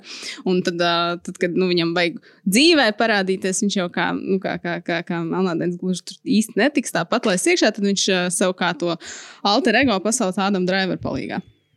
Tad ļoti, ļoti neparasta filma. Tas stāsts pats par sevi jau izklausās gandrīz, gandrīz ā, pārāk neticams, lai būtu patiesība. Bet, kā jau tas bieži vien gadās, patiesība ir vēl savādāk par jebko, ko vispār kāds var izdomāt. Un, un, jā, un tur tad, tad var just to gan, nu, Līja ir tāda īpatnēja humora izjūta, to var arī šeit manīt, kā daudzās arī citās viņa filmās. Tā šeit arī tā kā ik brīdim parādās, bet tur var arī, nu, riktīgi just tās viņa dusmas, un, un, un it sevišķi ņemot vērā to, ka filma noslēdzas ar kadriem no mūsdienām. Uh, tur, nu, tās paralēles ir pavisam viegli savēlkams, un, Un, zinām, kad tu skaties to filmu, tur varbūt uh, galvenais ļaundaris Deivids Džuks, kuru, kuru ļoti labi atveidot Oferis Greis, liekas gandrīz kā tāds kaut kāds komiks filmu ļaundaris, kā tāds komēdija ļaundaris, bet tad tu saproti, ka viņš jau joprojām ir dzīves un turpina visu šo ārprātu tu- runāt un, un propagandēt, un tad, nu, paliek Un drusku- atbalstīt Trumpu. Yay! Jā, vai baisi ap sirdi, bet, ā, bet filma pati par sevi jā, ir, ir, ir ā, spēcīga, interesanta un, un, un, un, un, jā, un tiešām, tiešām vērts noskatīties. Un tā, tā rīktīgi iepazīstināja mūsu Džonu Davidu Vašingtonu, kurš, kā jau man liekas, mēs esam runājuši, tagad izskatās būs visur. Nu, un pelnīti. Jo it's just a gesture and a word. Vai ne? Jā, Uh, ja no tenta mēs viņu laikam vislabāk šobrīd pazīstam. bet nu, šī bija tāda viņam un- tāda, tāda pirmā Jā. filmu loma. Nu, viņš, protams, bija Jā, tajā jā, jā. Dwayne Johnson seriālā Ballers. Bo- Bowlers, jā. Jā, bet Protams, protams, viņš bija tur. bet, bet, bet tā, kā tādā filmu, filmu, filmu jomā viņš šo tiešām sev pieteica un, un veiksmīgi. Sergei, tev arī ir vēl Spike Lee filmas? Jā, man ir. Es saprotu, jā, es gribēju tagad mēģināt sasiet. Man ļoti, ļoti daudz filmu izrakstīts, kuras es gan esmu redzējis, kad gribu ieteikt, arī varbūt dažas no viņiem arī gribu pats noskatīties. Um, man ir uh, tieši par šo tēmu. Uh, pirmkārt, jau tā kā mēs ļoti gaidām, uh, uh, būs uh, kaut kad, mums, kad viņa būs pieejama filma Judas and the Black Messiah, kas ir savukārt nevis par kukuks klandu, bet par melno panteru kustību un par attiecīgi mazāk zināmu uh, epizodi, varbūt tieši priekš mums. Uh, Ļoti interesanti, jā, ka to filmu ir producējis uh, Fruitvale Station, Creed un Black Panther režisors Rains Kūgvers, kurš, manuprāt, arī ir devis savā ziņā arī uh, savu lielu ieguldījumu. uh, Manā, manās kultūras Man arī kategorijā šitam. Jā, nu, tā kā, tā, tā kā ja kategorijas spēks līnija, viņš tāds, tā kā, tāds, nu, tāds labā nozīmē dinozaurs, tad uh, Rains Kulgors tur arī ir kaut kur viņam minus papējušiem. Bet, jā, uh, manuprāt, uh, tieši par Black History mans kontekstā ir ļoti svarīgi saprast, uh, jā, kas bija, kas uh, bija, nu, bāc, tagad tas. Malcolm X? Otrs žeks. Nu, ot- nu, ot- Martin Luther King. Jā, es, es atceros, ka man bija kaut kas no Bībeles. Es negribēju, negribēju pateikt, pēkšņi nepareizi. Es ļoti atvainojos, to negribēju ārā. Es man dažreiz aizmirsu. Martins Luthers Kings un Malcolm Seks un visu to. Uh, viņu, viņu, viņu sāgu un uh, ar to pašu Spike Lee filmu Malcolm X, ja, kur attiecīgi viņi atveido Denzels Vaši- Vašingtons, so diezgan jauns, bet, nu, protams, tikpat jaudīgs kā vienmēr. Vai arī ar, piemēram, filmu Selma, kas bija salīdzinoši svaiga, dabūja arī Oskaru par labāko dziesmu, es nemaldos toreiz, un kas stāsta par Martinu Lutheru Kingu. Un, jā, tad, attiecīgi, to Judas the Black Messiah, kas stāsta par Melno Panteru kustību. Un, manuprāt, tas viss ļoti labi arī ar to Black Landsman kopā varētu salikties un dot kaut kādā ziņā mākslas kino priekšstatu par noteiktām attiecīgi tēmām, ar, ar arī ļoti svarīgu posmu ASV vēsturē. Jā, tā, tas, tas bija mans izvēles. Es tad paturpināšu arī tad ar savu spēku kategoriju. Uh, Klansman jau ir nosaukts. Man pārsteidza, laikam, skatoties, un es to skatījos ļoti interesanti arī vietā. Es to skatījos Ņujorkā. Um, bet ne Manhattanā, kas bija Brooklyna laikam, jā, Brooklyna laikam skatījos. Uh, un uh, ASV skatīties to filmu, bija vēl tāda papildus kaut kāds eh, tāds eh, konteksts vai papildus kaut kāds līmenis, sapratnes. eh, Jo tu skaties pēc tam tos šārotas protestus, kas ir iemontēti beigās, un tu zini, ka tas, kinda, tas ir šajā zemē, ka tas ir notiek šeit, un tas notika pavisam nesen. Uh, bet kas man pārsteidza, ka tā filma tiešām ir salīdzinoši pret tematu. Viņa pat ir tāda jocīga un viegla. Kaut arī uh, divi noteikti ar smagiem tematiem, un, un arī aiziet, tik, uh, nobeidzas diezgan uh, tā, varbūt pat uh, šokējoši. Uh, Sa- bet vēl sorry, Malcolm sorry, X- viņi- Es gribēju teikt, arī, bet viņi saucās Melnais Konsmens. I mean, nu, nopietni. Tas ir humoristisks nosaukums. so viņi ir kind of viegli ar to, ka Nu, viņi ir jā, absurdi. jā, jā, jā. Ar, ar absurdu runā par nopietnām tēmām, bet ar absurdu noteikti. Nu, jā. Nē, nu, zini, ka vienkārši, ja tu pieredzi, okay, tu pasaki, um, ka tā ir uh, Spike Lee filma par Klansmanu, un es piekrītu Līvai, ka tur ir dusmas kaut kādas uh, sajūtamas, uh, varbūt no, no Spike Lee puses, bet no otras puses tas tā tiešām bija tā kā vieglāk nekā es biju domājis. Nu, es zinu, ka tur bija vairāk humora nekā es biju domājis. Un, un pašai arī Driver un, un, un uh, Vašingtona saspēle bija ļoti, ļoti interesanti. Um, uh, Malcolm X check, uh, un uh, es vēl pieaugu klāt, tad, uh, nu, Spike Lee viena no pirmajām filmām, Do the Right Thing, kas ir 9. gada, um, kur uh, viena no tēzēm uh, tam. Tai filmai, un laikam arī pašam Spikam, ir, uh, kuru pusi izvēlēties. Malcolm X pusi vai Martin Luther King pusi, jo, jo abas puses it kā cīnās par vienu, bet viens iz, viņam ir dažādas izpratnes par vardarbību. Un, un, uh, to, abas tēzes viņš arī ieliek iekšā filmā Do the Right Thing, un uh, spēlējot arī galveno lomu, viņš arī mēģina varbūt parādīt, kura puse viņš nostājas. Tāpēc noteikti, lai ieliktu varbūt pašu spaiku Lee kaut kādā kontekstā uh, un viņa, viņa darbu mūžu, un, un mūža darbu, un tad vairāku gadu filmogrāfiju, tad Do the Right Thing arī ir labs veids, kā to uzsākt. Atpakaļ pie tevis, Līva. Uh, nu, es paturpināšu drusku arī atsaucoties uz jau vienu no minētajiem darbiem, ko Sergejs piesauc, Sergejs Moņits. uh, Selmu es tad, uh, kā, gandrīz kā kategoriju arī varētu ieviest šeit mm. -hmm. uh, Eivu Duvērnēju režisori.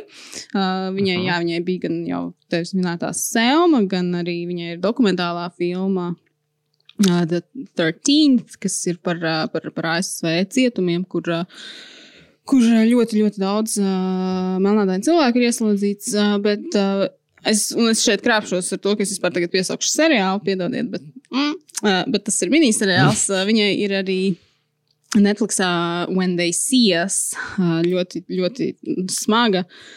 Grūti skatāma drāma. Ir uh, tikai četras daļas šim miniseriālam, uh, bet uh, nu, viņu nevar tā nostīties vienā vakarā. Tas ir tā, nu, Mm. grūti skatāms. Um, tas stāsts ir arī mm, balstīts uz patiesiem notikumiem, uz drausmīgiem notikumiem.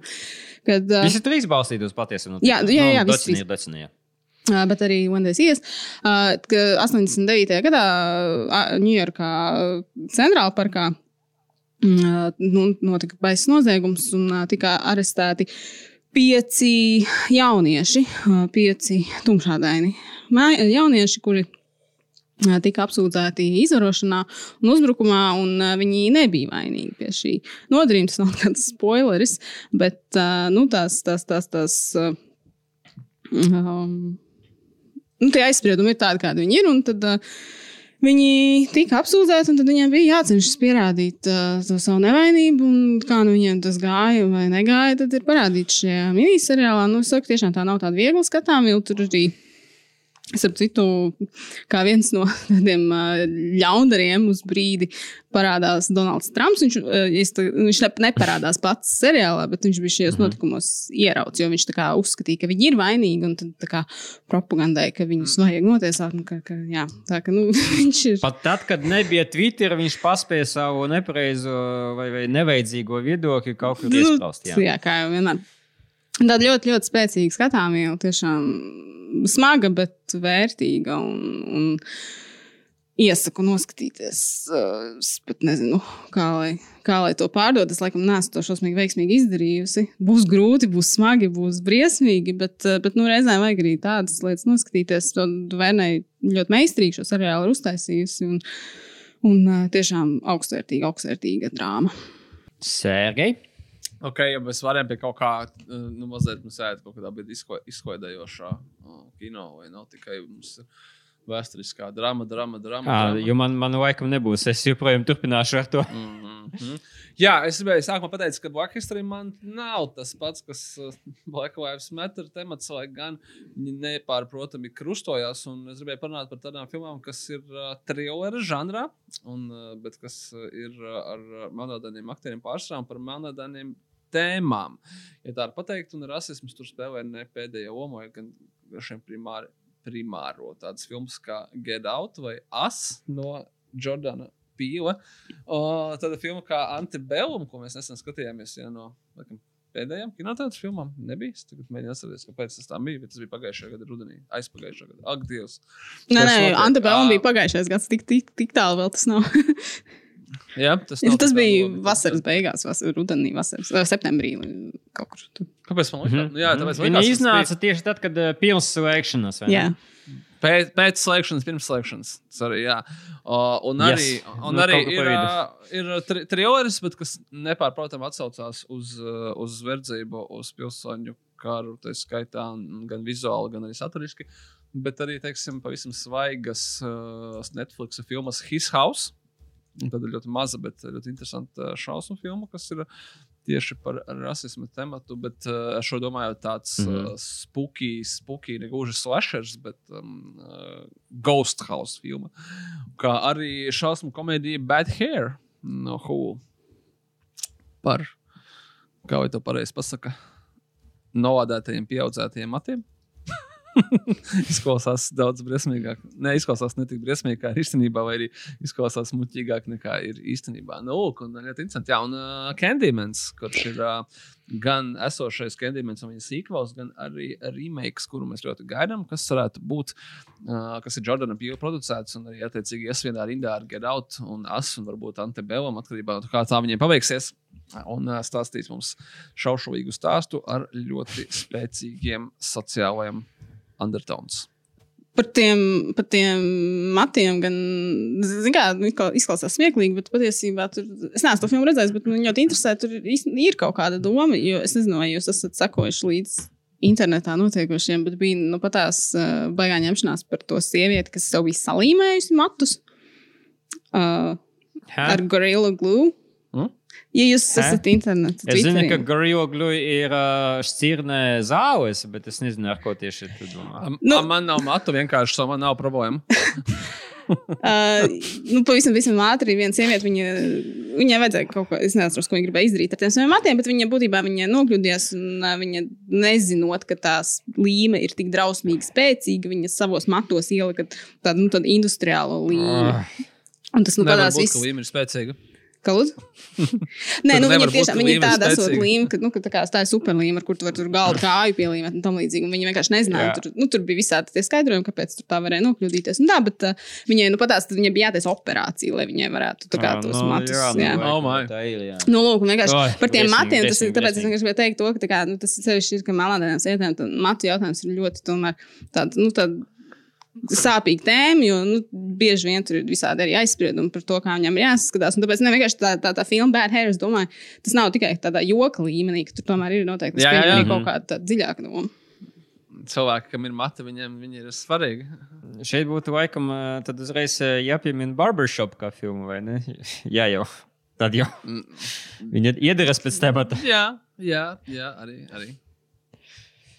Bet šī nav mana izvēle. Mana izvēle, es paturpināšu, piedod, Sergei, es, eh, eh, ļoti respektēju tavu eh, mēģinājumu uzvilkt uz kaut kādu izklaidējušu kino. A, man, a, man, būs, man būs, es, es parāšu arī par barbershopu, tā kā, bet tā kā tu vari droši kaut ko iedzīgu pateikt, ja man tas tam tieši vēl Nē, nē, nē, es esmu par to par tām depresijām. Man um, avaduvernē arī ir ne gluži kā kategorija, bet kā daļa no kategorijas, kuru es sauktu par tādu um, uh, negodīgi apsūdzēti, vai, vai eh, tieši arī to cietumu sistēmu, jo, jo 13. Vai 13. Um, atklāja to sistemātisko eh, rasismu ASV cietumos, un, un kā vispār uh, verdzība, vai drīzāk verdzības atcelšana to ietekmēja, un atsaucas vispār uz 13. papildinājumu konstitūcijā, uh, kad atcēla verdzību. Bet uh, tad, tad visi dokumentāli filma pēta un atklāja. Ka juridiski vai nomināli verdzība atcēlās, bet viņa turpinās varbūt kaut kādā citā formā, par ko arī stāsta šī dokumentāla filma. Bet pie, klāt, pie tās filmas savukārt vēl var pielikt klāt If Bill Street Could Talk, vēl var pielikt klāt Queen and Slim. Uh, un arī the, tad- Hate You Give. Tā man kā trīs atzīmētas uh, filmas par nepatiesi, Give, jā. jā. nepatiesi apsūdzētiem uh, jauniešiem, kas ir viens otrā iemīlējušies. Nu, I mean, tas, tas ir. Uh, American History X tas nav gluži par uh, galvenais fokus, bet uh, viņš iet paralēli un arī skatās uz uh, to problēmu. Uh, un uh, laikam šis būtu arī labs uh, veids, kā uh, vai nu atgriezties, vai nu noskatīties pirmo reizi klasisko filmu To Kill a Mockingbird. Uh, kas uh, kinda sorta arī, uh, bet ne, es arī ne jau kinda sorta, tur arī ir apsūdzētais uh, melndēņas puisis, uh, bet uh, apsūdzēts nepatiesi. Uh, un tad, tad visa filma ir par pārsvaru par tiesu. Bet ļoti jaudīga un noteikti, noteikti iesaku noskatīties, ja vēl nav bijusi tāds, tāda iespēja. Un šeit es gribētu pievilkt klāt vēl uh, pavisam svaigu filmu, kas, diemžēl, nebija demonstrēta pie mums kinoteātros. Bet, es ne, ja es pareizi atceros, viņa, varbūt papildinās, viņa bija nominēta Oskaram vai viņas aktieru spēle. Tā ir filma Just Mercy ar Michaelu B. Jordanu un Jamie Foxu, kur tieši stāsta par to, kā uh, Jamie Foxs tēlo apsūdzēto melnādaino, nepatiesu apsūdzēto melnādaino vīrieti, un uh, Michaels B. Jordans tēlo patiesi eksistējošu advokātu, kurš attiecīgi veltīs savu dzīvi, lai aizstāvētu šādas te uh, sistēmas upurus. Ļoti, ļoti, ļoti jaudīga esot filma. Es gan neesmu redzējis, bet. Viņa nebija Oskaros. Viņa bija piesaukta kā viena no tiem kandidātiem. Visos Ā, ka sarakstos varētu tam līdzīgi, bet beigās neko nedabūja. Bet, bet, bet, jā. nu, pie mums tāpēc neparādīja. Bet tādi aktieri. Come on. Tātad, otra pozīcija, Lija. Vai pirmā jau? Otra, otra. Otrā. Uh, nu, Tā kā meklē sev filmu, Sergei. Vai jau viss izsmelts, tagad pagaidi, varbūt tu vari pirmā? Nē, nē, vēl ir, vēl ir. Vēl ir. Ok, ok, ok.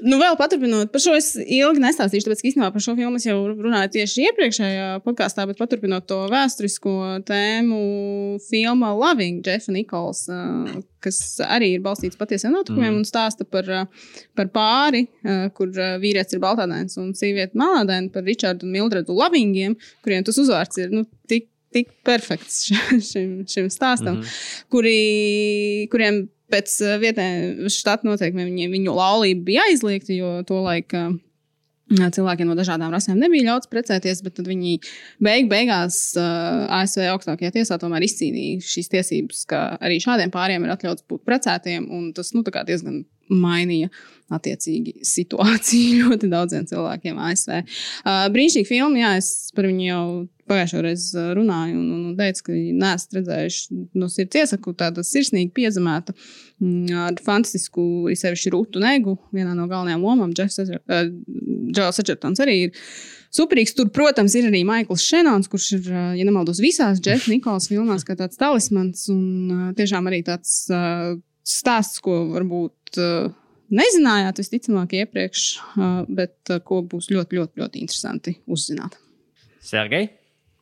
Nu, lūk, tad mazliet atslēdzot. Es atceros, ka man bija tāds periods, nu, salīdzinoši nesen, kad es biju skatījies. Uh, Ja mēs pārējām pie tām, no tām filmām, kuras jūs pēc šī podkāsta noskatīsieties, kas būs jau piesauktie Hidden Figures, Cover Purple, tālāk tad Selma, Malcolm Six, tālāk Black Clansman, respektīvi 40, 50, 60, 70, 80 gadi. Jums būs skaidrs, kāpēc.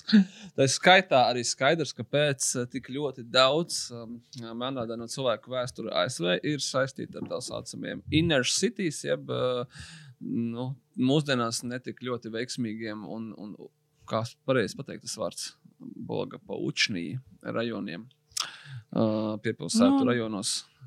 Nu, Tu pateici, Inner City. Jā, jā, jā, Inner Nu, nu, Cities. ska- Skaidrs, jā. Un, un kāpēc tam ir tik ļoti liela nozīme? Uh, Melnādaina un īpaši afroamerikāņu vēsturē, un par, protams, ka par to arī ir diezgan daudzas filmas, un tādas, nu, jāsaka, mūsdienās kulta filmas, kā Boys in the Hood, Menace to Society, Jews.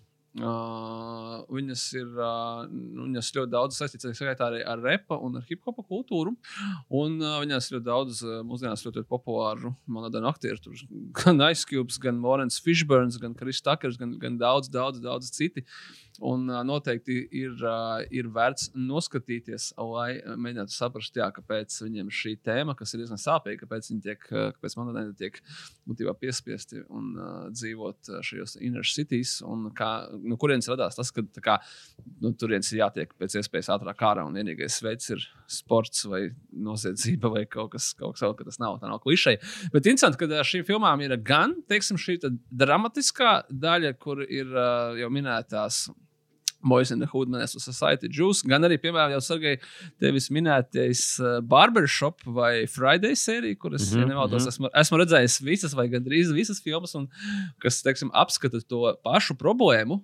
Bet viņas ir diezgan problemātiskas. Vienīgais no komēdijas skatu punkta. Nu, skaidrs, ka cilvēkiem gribās vienkārši par sevi pasmieties. Un, uh, un uh, kaut kādā ziņā nu, ne, tikai, ne tikai to visu dramatizēt. Bet uh, saturiskā ziņā viņas, manuprāt, ir diezgan vienādas. Viena filma, viena filma to dramatizē, un otra filma vienkārši par to pasmējās. Nu, tas, teiksim, Boys in the Hood un Friday, bet uh, tas temats jau ir viens par to, kā viņiem dzīvojās uh, šajos rajonos un kāpēc uh, tas viss ir tieši tā. Kas ir man ļoti interesants. Zinu, kas eh, filma, par ko es aizdomājos tieši šajā kontekstā, ir uh, uh, Vējens brāļu to South Jā, jā, jā. jā. Bet, Es klausies, atceros, uh, jā, viņa, viņa ļoti, cilvēki ļoti patika, bet, zini, kā, man liekas, ka īstenībā ļoti, ļoti savāda filma kaut kādā ziņā, un, manuprāt, viņa ir negatīva diezgan. Tāpēc, ka mēs neesam, vai, teiksim, šī filma ļoti populāra gan Latvijā, gan arī vienkārši visā bijušā PSRS teritorijā. Tie pašā laikā lielākā daļa cilvēku, kas ir redzējusi šo komēdiju, kas ir komēdija parodija un komēdija satīra par visām manis iepriekš minētajām filmām, kas ir tās sociālās drāmas, neviens viņas īsti nav redzējis. Viņas ir redzētas simtiem vai tūkstošiem reižu mazāk. Tā pašā laikā, mm. -hmm. uh, teiksim, filma Don't be a menace to South Central while drinking a juice in the hood, viņa izsmeja visas tipiskās melnādaino filmu klišejas par to, ka ir šis inner city, par to, ka viņi nestrādā, dzīvo uz pabalstu. Kā, nu tā, viņi par to smējās, bet man liekas, ka viņa noteiktajās, noteiktās teritorijās, kurās nav šis kultūrālais backgrounds par to, ko viņi izsmeja, viņa tieši otrādi reinforso visas tās klišejas par melnādainiem cilvēkiem, kurus viņa cenšas izsmiet. Un tas, manuprāt, ir kaut kā diezgan nepareizi. Un skatoties uz šo filmu no mūsdienu skatu punkta, viņa ir drīzāk tāda, nu, hei, tā kā, tā kā es nezinu, vai tas ir tik smieklīgi, vai tas ir tik ļoti Nu. pareizi. Ja nav konteksta, konteksts joprojām īsti nav, bet viņa smējās par klišiem. Tie pašā laikā viņa tāpēc ir daudziem droši vien uh, radījusi ļoti nepareizu priekšstatu par uh, cilvēku dzīvi. Nē, nu, zini, kā tur ir tāds uh, savs, protams, jautājums, uh, vai, vai uh, leņķis, uh, jo tie cilvēki, kuriem varbūt šī filma tieši bija domāta, un kas ir melodēni cilvēki, viņi ir redzējuši tās filmas, un viņi saprot, ko jā. No otras puses, mēs savukārt, visticamāk, es tagad skatos, man liekas, es viņu redzēju pirms filmām, kuras viņi parodē. Tieši tā. Un daudz cilvēku redz, ne, nav maz redzējuši tās filmas, ko viņi parodē. Viņiem liekas, ka viņi parodē dzīvesveidu vai nu, nu, līdzīgi, bet viņiem, viņiem tur ir daudz smalkāk. Tas viss kā domāts. Mm. Lai gan tā filma noteikti nav smalka nevienā, nevienā vietā. tas humors Nē, ir tā ļoti. filma ir uh, faktiski kā, tas ne, ne, neteikšu tā kā prequels, bet um, um, training ground, uh, trenēšanas laukums pirms Scary Movie, kur tad devas Waynes brāļi. Nu, zini kā, es, es vienkārši, kad gatavojos podkāstam, es biju pasvīt, nu, pa, pabrauzēju fragmentus no viņas YouTube. Un, uh, Jā. Es domāju, tā, ziņā, ka viņi ir, viņi it kā ir, nu, tā kā vēršas pret rasismu un viņa izsmeja Melnādaino filmu klišejas. Te pašā laikā nu, daudziem var likties, ka tas ir tas klišejs, uh, un viņi ir nenormāli seksistiski, piemēram, tie pašā laikā. Respektīvi, nu, ka viņam mūsdienās jau tāda ļoti, ļoti uz robežas tas humors, ka mm. viņi vienlaikus it kā ir.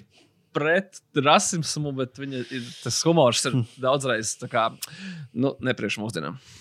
Man uh, otrajā pozīcijā ir savukārt maza, bet augoša Raina Kugura kategorija. Es piekrītu tam, ko Sergejs minēja. Es teiktu, ka varbūt uh, gluži uh, uh, dzēnas pakaļ uz something, es neatceros, kā, teiz, kā tu, Sergejs, precīzi minēji. Bet uh, gandrīz ir sanāk, ka uh, Spikes Lee. Uh, mentorē Rainu Kuguru vai Rainas Kugurs vienkārši seko uh, Spaikalī pēdās. Uh, un uh, to viņš darīja ar filmu Fruitvale Station, uh, kas uh, arī ir sapīgs, sapīgs, sapīga skatāmviela un balstīta uz patiesiem notikumiem.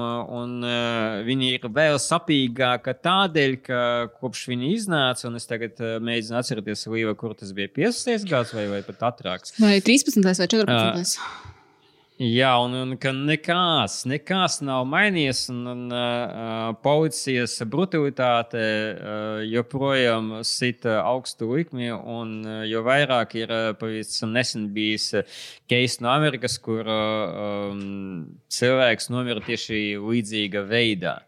Uh, un, un tāpēc uh, tā tiešām ir smaga skatāmviela. Un, uh, lai sabalansētu, Raina Kuglam savukārt ir Black Panther, nu, un kur nu vēl uh, spēcīgāku filmu, kas uh, tieši ne, ne gluži slavē, bet uh, uh, honors black culture. Un, un tādā ziņā ļoti interesanti, ko Rāns Kuglis darīs tālāk. Un, ko, jo mēs, mēs zinām, zinām. ka viņš tā, jā, no viņš darbosies arī. Yes, Pantera 2 un arī seriāli pie paša uh, MCU. Bet man liekas, ka tas ir tik ļoti uh, pareizi, ka uh, viņam ir iedots mainstreamīgs instruments, lai iebūvētu, iekodētu arī uh, to savu sāpju. Tāpēc es uh, ceru, ka viņam uh, priekšā vēl daudz tādu darbu.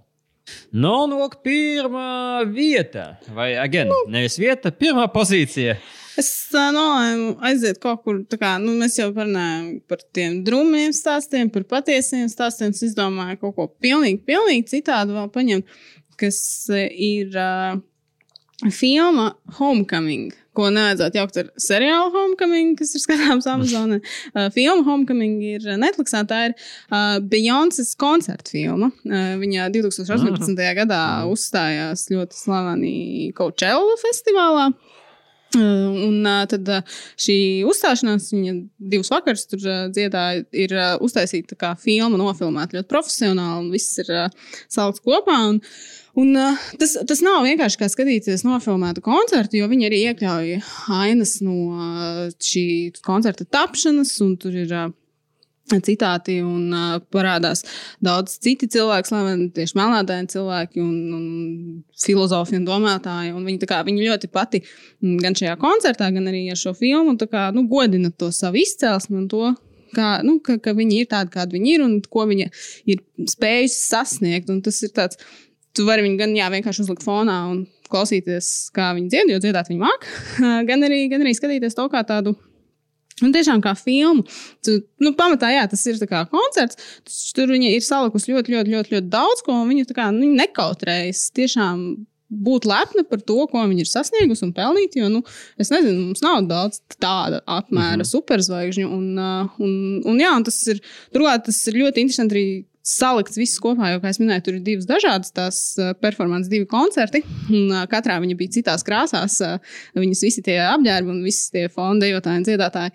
Bet tas viss ir perfekti salīmēts kopā. Viņi pārslēdzas no viena viena koncerta uz nākamo dziesmas vidū. Nu, tur lēkā mm -hmm. tiešām iespaidīgi samontēts tas viss ir. Un, un tas, kā viņi ir tātad, tik perfekti arī to visu uh, nodziedājuši un noperformējuši. Tur, nu, tu, tu skaties, un tu nevari neapbrīnot to talantu un to, to, to darbu, kas tajā visā ir ieguldīts. Un, un tu arī novērtē to viņas visu to message. Un, un interesanti, tā kā nu, tāds interesants vēstījums kopā sanāk. Tas tāds, lai noslēgtu uz tādas vieglākas nots, lai nav tikai tie drūmie un baisie stāsti, bet ka, ka, ka var arī atrast tādus uh, nu, mhm. pacilājošākus vēstījumus.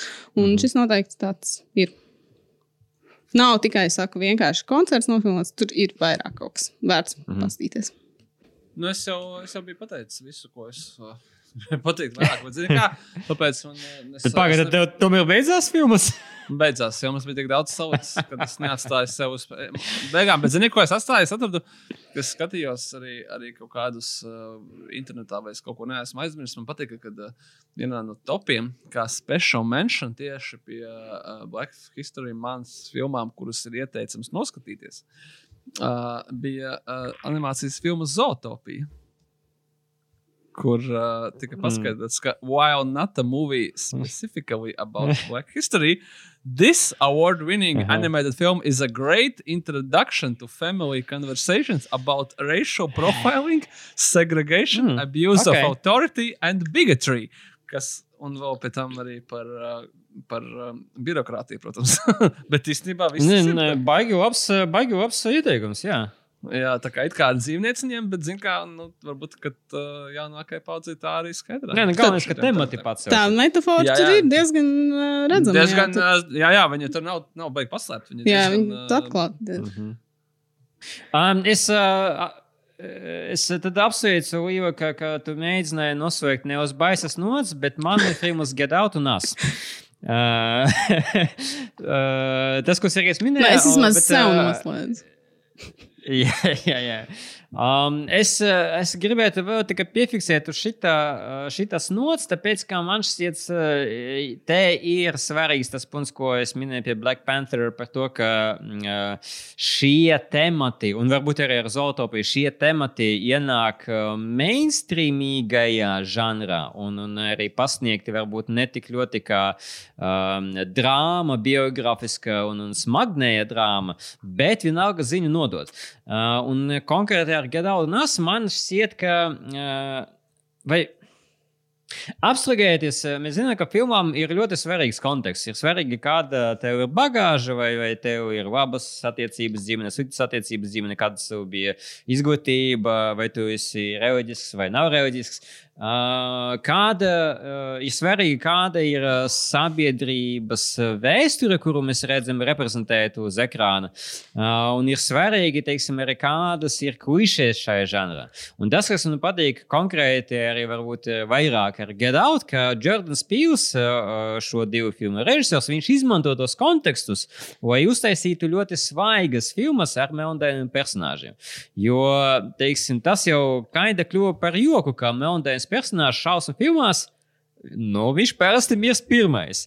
Man pat šķiet, ka es neatceros, varbūt atgādināt, Scary Movie taču arī to apsmēja. ne? Ka, ka, The ja- black guy dies black first, dude- yes. Jā, jā, tas- Un, un, un visticamāk, ja tu esi black dude, tad varbūt nemēģini iet ārā no istabas, eh, teicot, ka es tūlīt atgriezīšos. Jo visticamāk, ka tu neatgriezīsies. Vai tas nebija arī The Jā. Cabin in the Woods apspēlēts? Nu, jā, jā, varbūt. Es tagad domāju, varbūt. Uh, un, un šeit savukārt uh, šis ir apgriezts kājām gaisā, kur uh, Black Guy is the main protagonist un galvenais personāžs, un tad mēs viņam arī sekojam līdzi.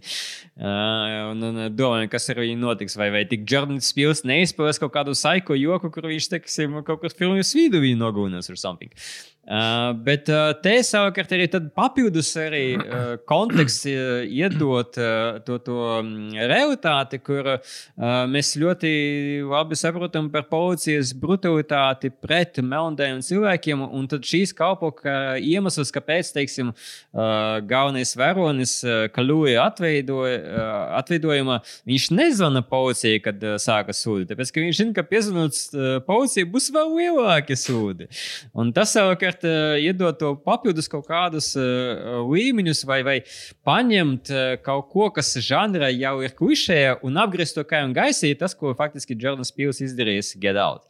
Uh, un savukārt ar as uh, arī tāda satīra, kas uh, um, fokusējas uz melndaina cilvēka problēmu, uh, baltajā sabiedrība, tad uh, šo arī kā, kā instrumentu priekš šausmu filmas mēs īsti tā varbūt arī nebijām redzējuši. Un tad šeit savukārt uh, ir tad papildus uh, efekts veidos, un arī svaigs efekts, uh, līdz ar ko arī abas filmas man ir uh, tad, uh, ne, ne, varbūt mēs nesaucam vietas, bet ja būtu vietas, viņas būtu pirmajā vietā. Honorable okay. mentions, sekajam, tā ka visi jau iztukšojas. Man liekas, ka ASV, nu, honorable mentions, kurš rakam, es nezinu, Līva varētu ļoti nepatikt. Uh, Django un Chain. Nē, kāpēc? Nē, Nē, tas darbojas. Es domāju, ka par Black History. Nu, jā, nu, nu, es domāju, ka tur varētu būt Django un Chain un Hateful Eight, bet es kaut kā tā. Nezinu, vai, vai Maiks, kad arī tām filmām ir pietiekoši daudz bijis uzmanības kaut kur citur, arī mūsu podkāstos, savu, nu, tā papildus savu un mūsu sensos. Un, jā, papildus viņas, viņas, viņam jau tiks ļoti daudz, kas uh, tāpat tās savu, es domāju, kaut ko citu izcelt. Lovecraft County uh, seriāls tiem, kas ir tur vēl Mm. pie, pie fantasy kategorijā, vajadzētu pielikt klāt. Un, uh, uh, kā teikt, jaunākajiem skatītājiem uh, ceļošanu laikā Netflix uh, filmu See You Yesterday. Par, tas ir diezgan traģisks atgadījums, jā, kur uh, malādēniem pusaudžiem nošauja vecāko brāli policisti. Nu, tā kā tieši tāpatās, kā ir visos pēdējos briesmīgajos ASV notikumos, reālajos, un viņi atgriežas mm. atpakaļ laikā, lai kā, to novērstu un saprotu, mm. ka tas nav īsti iespējams šādā formātā izdarīt. Tas nav spoilers, tas ar to kā filma sākās. un tad Tas ir mm. -hmm. producējis Spikes Lee. Tavu. Nu, es gaidīju gan uh, citu seriālu uh, ieteikumu no tevis, jo A Man's Gotta Have a Code. The Wire? Jā, tas varētu, jā, nu, tur, tas varētu būt īstenībā jā, par, uh, par Inner Cities un, un tā, bet uh, tam arī diezgan daudz veltīts uzmanības no mūsu puses. Ir. Un vēl būs. Mojas, ka ne tik daudz kā vajadzētu, jo tāpat kā ar Succession, The Wire vajadzētu vienkārši pieminēt katram mūsu raidījumā. Un, ja kāds vēl nav redzējis hint, Līva, hint, tad ir vērts noskatīties seriālu The Wire. Eh, Jo tad eh, tas iedod arī kaut kādu kontekstu. Tas nav gluži par uh, rasismu kā tādu, bet tas uh, dod to, to sapratni, kāpēc Inner City veidojas, kā viņi veidojas. Um, es vēl pieminētu, ja mūsu klausās, un es pēc statistikas redzu, ka mums ne visi klausās no Latvijas, un daži klausās no, no ārzemēm, kur uh, varbūt šīs uh, filmas vai seriāli ir pieejami. Tad uh, Soul ir uh, tad, uh, laikam pirmā Pixar animācijas filma ar melndainu personāžu galvenajā mm -hmm. lomā. Noteikti to. Princess and the Frog savukārt būtu no, no Disneja puses uh, ekvivalents. Um, es ieteiktu pameklēt vēl uh, Makvīna, Stila Makvīna uh, sēriju no filmām Small X, jo, jo uh, tas veidos kā tāds antoloģisks uh, miniseriāls, piecas dažādas sērijas pa stundu garas, kas nav īpaši saistītas, uh, nav saistītas uh, viena ar otru, bet uh, faktiski kā sanāca, ka uh, Stīvs Makvīns sapamēja piecas filmas tik ražīgs eh, viņam bija tas periods. eh, Par visām piecām ir ļoti labas atsauksmes. tā kā Mēs arī gaidām, kad kaut kādā brīdī varētu to noskatīties. Līja, vai tev ir kaut kāds vēl pie Uh, jā, Noslēdzot. vēl mm, interesants ir uh, Denzelam Vašingtonam. Viņš ir uh, uh, sācis kā pēdējā laikā. Uh, viņš ir uh, nolēmis ekranizēt vairākas uh, lūgu autora uh, Augusta Vilsona. Lūgas kā filmas, viņš jau to izdarīja ar uh, Fences pirms dažiem gadiem, un arī nesen svaigi iznākusi Māra Rainey's Black Bottom. Arī ir viena no Vilsona lūgām. Viņam bija tā, ka Den- Vašingtonam mm. bija deals ar HBO, ka viņš grasās producēt deviņas lūgu ekranizācijas. Uh, tad tas uh, deals aizgāja tālāk pie Netflix. Nu, pagaidām ir iznākusi šī viena, Rainey's Black Bottom, bet nu, redzēs, tad mums kā varbūt iespējams tiks piesolīts vēl astoņas. Tā kā mm -hmm. tur uh, ir ko izvērsties. Viņam ir. Uh, Ļoti interesanti stāsti. Un tieši jā, par, par, par šīm melnādaino cilvēku pieredzēm. Tā kā Fences ir tāda. Fences problēma ir tāda, ka tur var ļoti just to, ka tā ir kā lūga un tur kaut kāds tas teātrāliskums turbūt vietām mm, vēl ir jūtams. Bet, nu, spēcīga filma ir vienkārši fantastiski Viola Deivis. Mārēnijas Black Bottom es vēl neesmu redzējis tos un jāapspēj noskatīties, bet nu, tur jau tiek piesolīti Oskari ļoti iespējams, ka Čelīks Bausmans pats saņems viņu pat, pat, pat par spīti tam, ka viņš jau pagājušajā gadā gāja bojā. Nu, lūk, tā, tas ir kaut kas, ko arī var noteikti paskatīties. Ko es vēl gribēju pieminēt? Ah, nu, varbūt no tādas. Citādas perspektīvas, no, nu, kā, kad, kad paskatīties to, cik sarežģīts ir šis rases jautājums ASV un kā, kā, kā viņiem grūti iet ar to visu. Un ne jau, ka mums kaut kur iet labāk, Dievs pasargā. Bet uh, bija dokumentālā filma OJ Made in America par bēdīgi slaveno OJ Simpsonu. Jo viņa tajā drausmīgajā gadījumā jau arī rasa spēlē diezgan svarīgu lomu, tas, ka, ka, ka, ka viņš ir tik slavens un ka, ka viņš bija tāds, kāds viņš bija. Un tad, ja jūs nostieties to dokumentālo filmu, tad pie reizes arī ir miniseriāls The People vs. O.J. Simpson. Es gan nezinu, kā ieteikt, kādā labāk secībā to skatīties. Uh, viens droši vien būs mazāk interesants pēc otra, bet nu, tur ļaušu jums izlemt pašiem. Uh, es es nostājos pirms pirms to Raivana Mērfija seriālu, pēc tam dokumentālo filmu. Tad tajā dokumentālā filmā likās tā kā es jau visu to zinu, bet uh, varbūt vajadzēja otrādi. Uh, bet, uh, bet jā, tā dokumentālā filma, viņa sa- savulaik bezskaunīgi dabūja Oskaru par spīti tam, ka viņa uh, ir ESPN kanāla dokumentāla filma. Es tagad ne, nesamalojos, kas ir astoņās sērijās, jau astoņas stundas gara. Bet viņi dabūja Oskaru, tāpēc, ka viņi viņu sagraizīja īsākā versijā un parādīja kinoteātros. Un tad īstenībā tagad seriāls ir dabūjis Oskaru. Bet nu, tur viņi ņēmās, ņēmās, bet nu, skatieties noteikti to garo versiju. Viņi tur ļoti, ļoti, ļoti pamatīgi izpēta visu to, gan to to, to noziegumu, gan arī to tādu plašāko kontekstu, ko šī, ko šī lieta nozīmē un kāpēc tur tās reakcijas bija tādas, kādas viņas bija. Tas tiešām bēdīgs, lemns, bet uh, fascinējošs gadījums. Es negribēju mm -hmm. to pārtraukt, bet sākotnēji es, es domāju, teiks, ka uh, Denzels Vašingtons pēdējā laikā ir sācis hautūrēt. Tas nav tikai pēdējā laikā, bet tad izrādījās, ka tur ir pa citu. Un, Nē, nē, nē. Zin, kā, man liekas, viņš, tā kā, viņš filmē tos kaut kādus equalizer tipa šitās filmas, tāpēc, ka viņam tā kā gribas, nu, vajag droši vien arī naudiņu un tā, bet tad, ka, man liekas, ka Nē, tā. nu vajag naudu fences. Nē, un ka tā, bet, ka tā sirds- labi, jā, jā. Jā, ka tā sirds jau viņam ir tajos šajos projektos, Pareizajā kā vietā, Fences, nu jā, jā, vai, vai, vai Mārēnijas Black Bottom. Uh, Fences viņš pats arī režisēja turklāt. Uh, un tu, tur bija tā vēl tas, ka viņš bija arī bijis pats tajā lūgā, kad viņa bija uzvesta kā izrāda kopā ar tieši, tieši ar Viola Deivisu. Mm Mhm. -hmm. nu, viņ, viņš tur to visu ļoti, ļoti sirsnīgi jūt, bet, ka, nu, kad, kad, Mhm. kad, kad naudu gribas, ēst gribas, tad ir jāfilmē The Little Things un viss pārējais.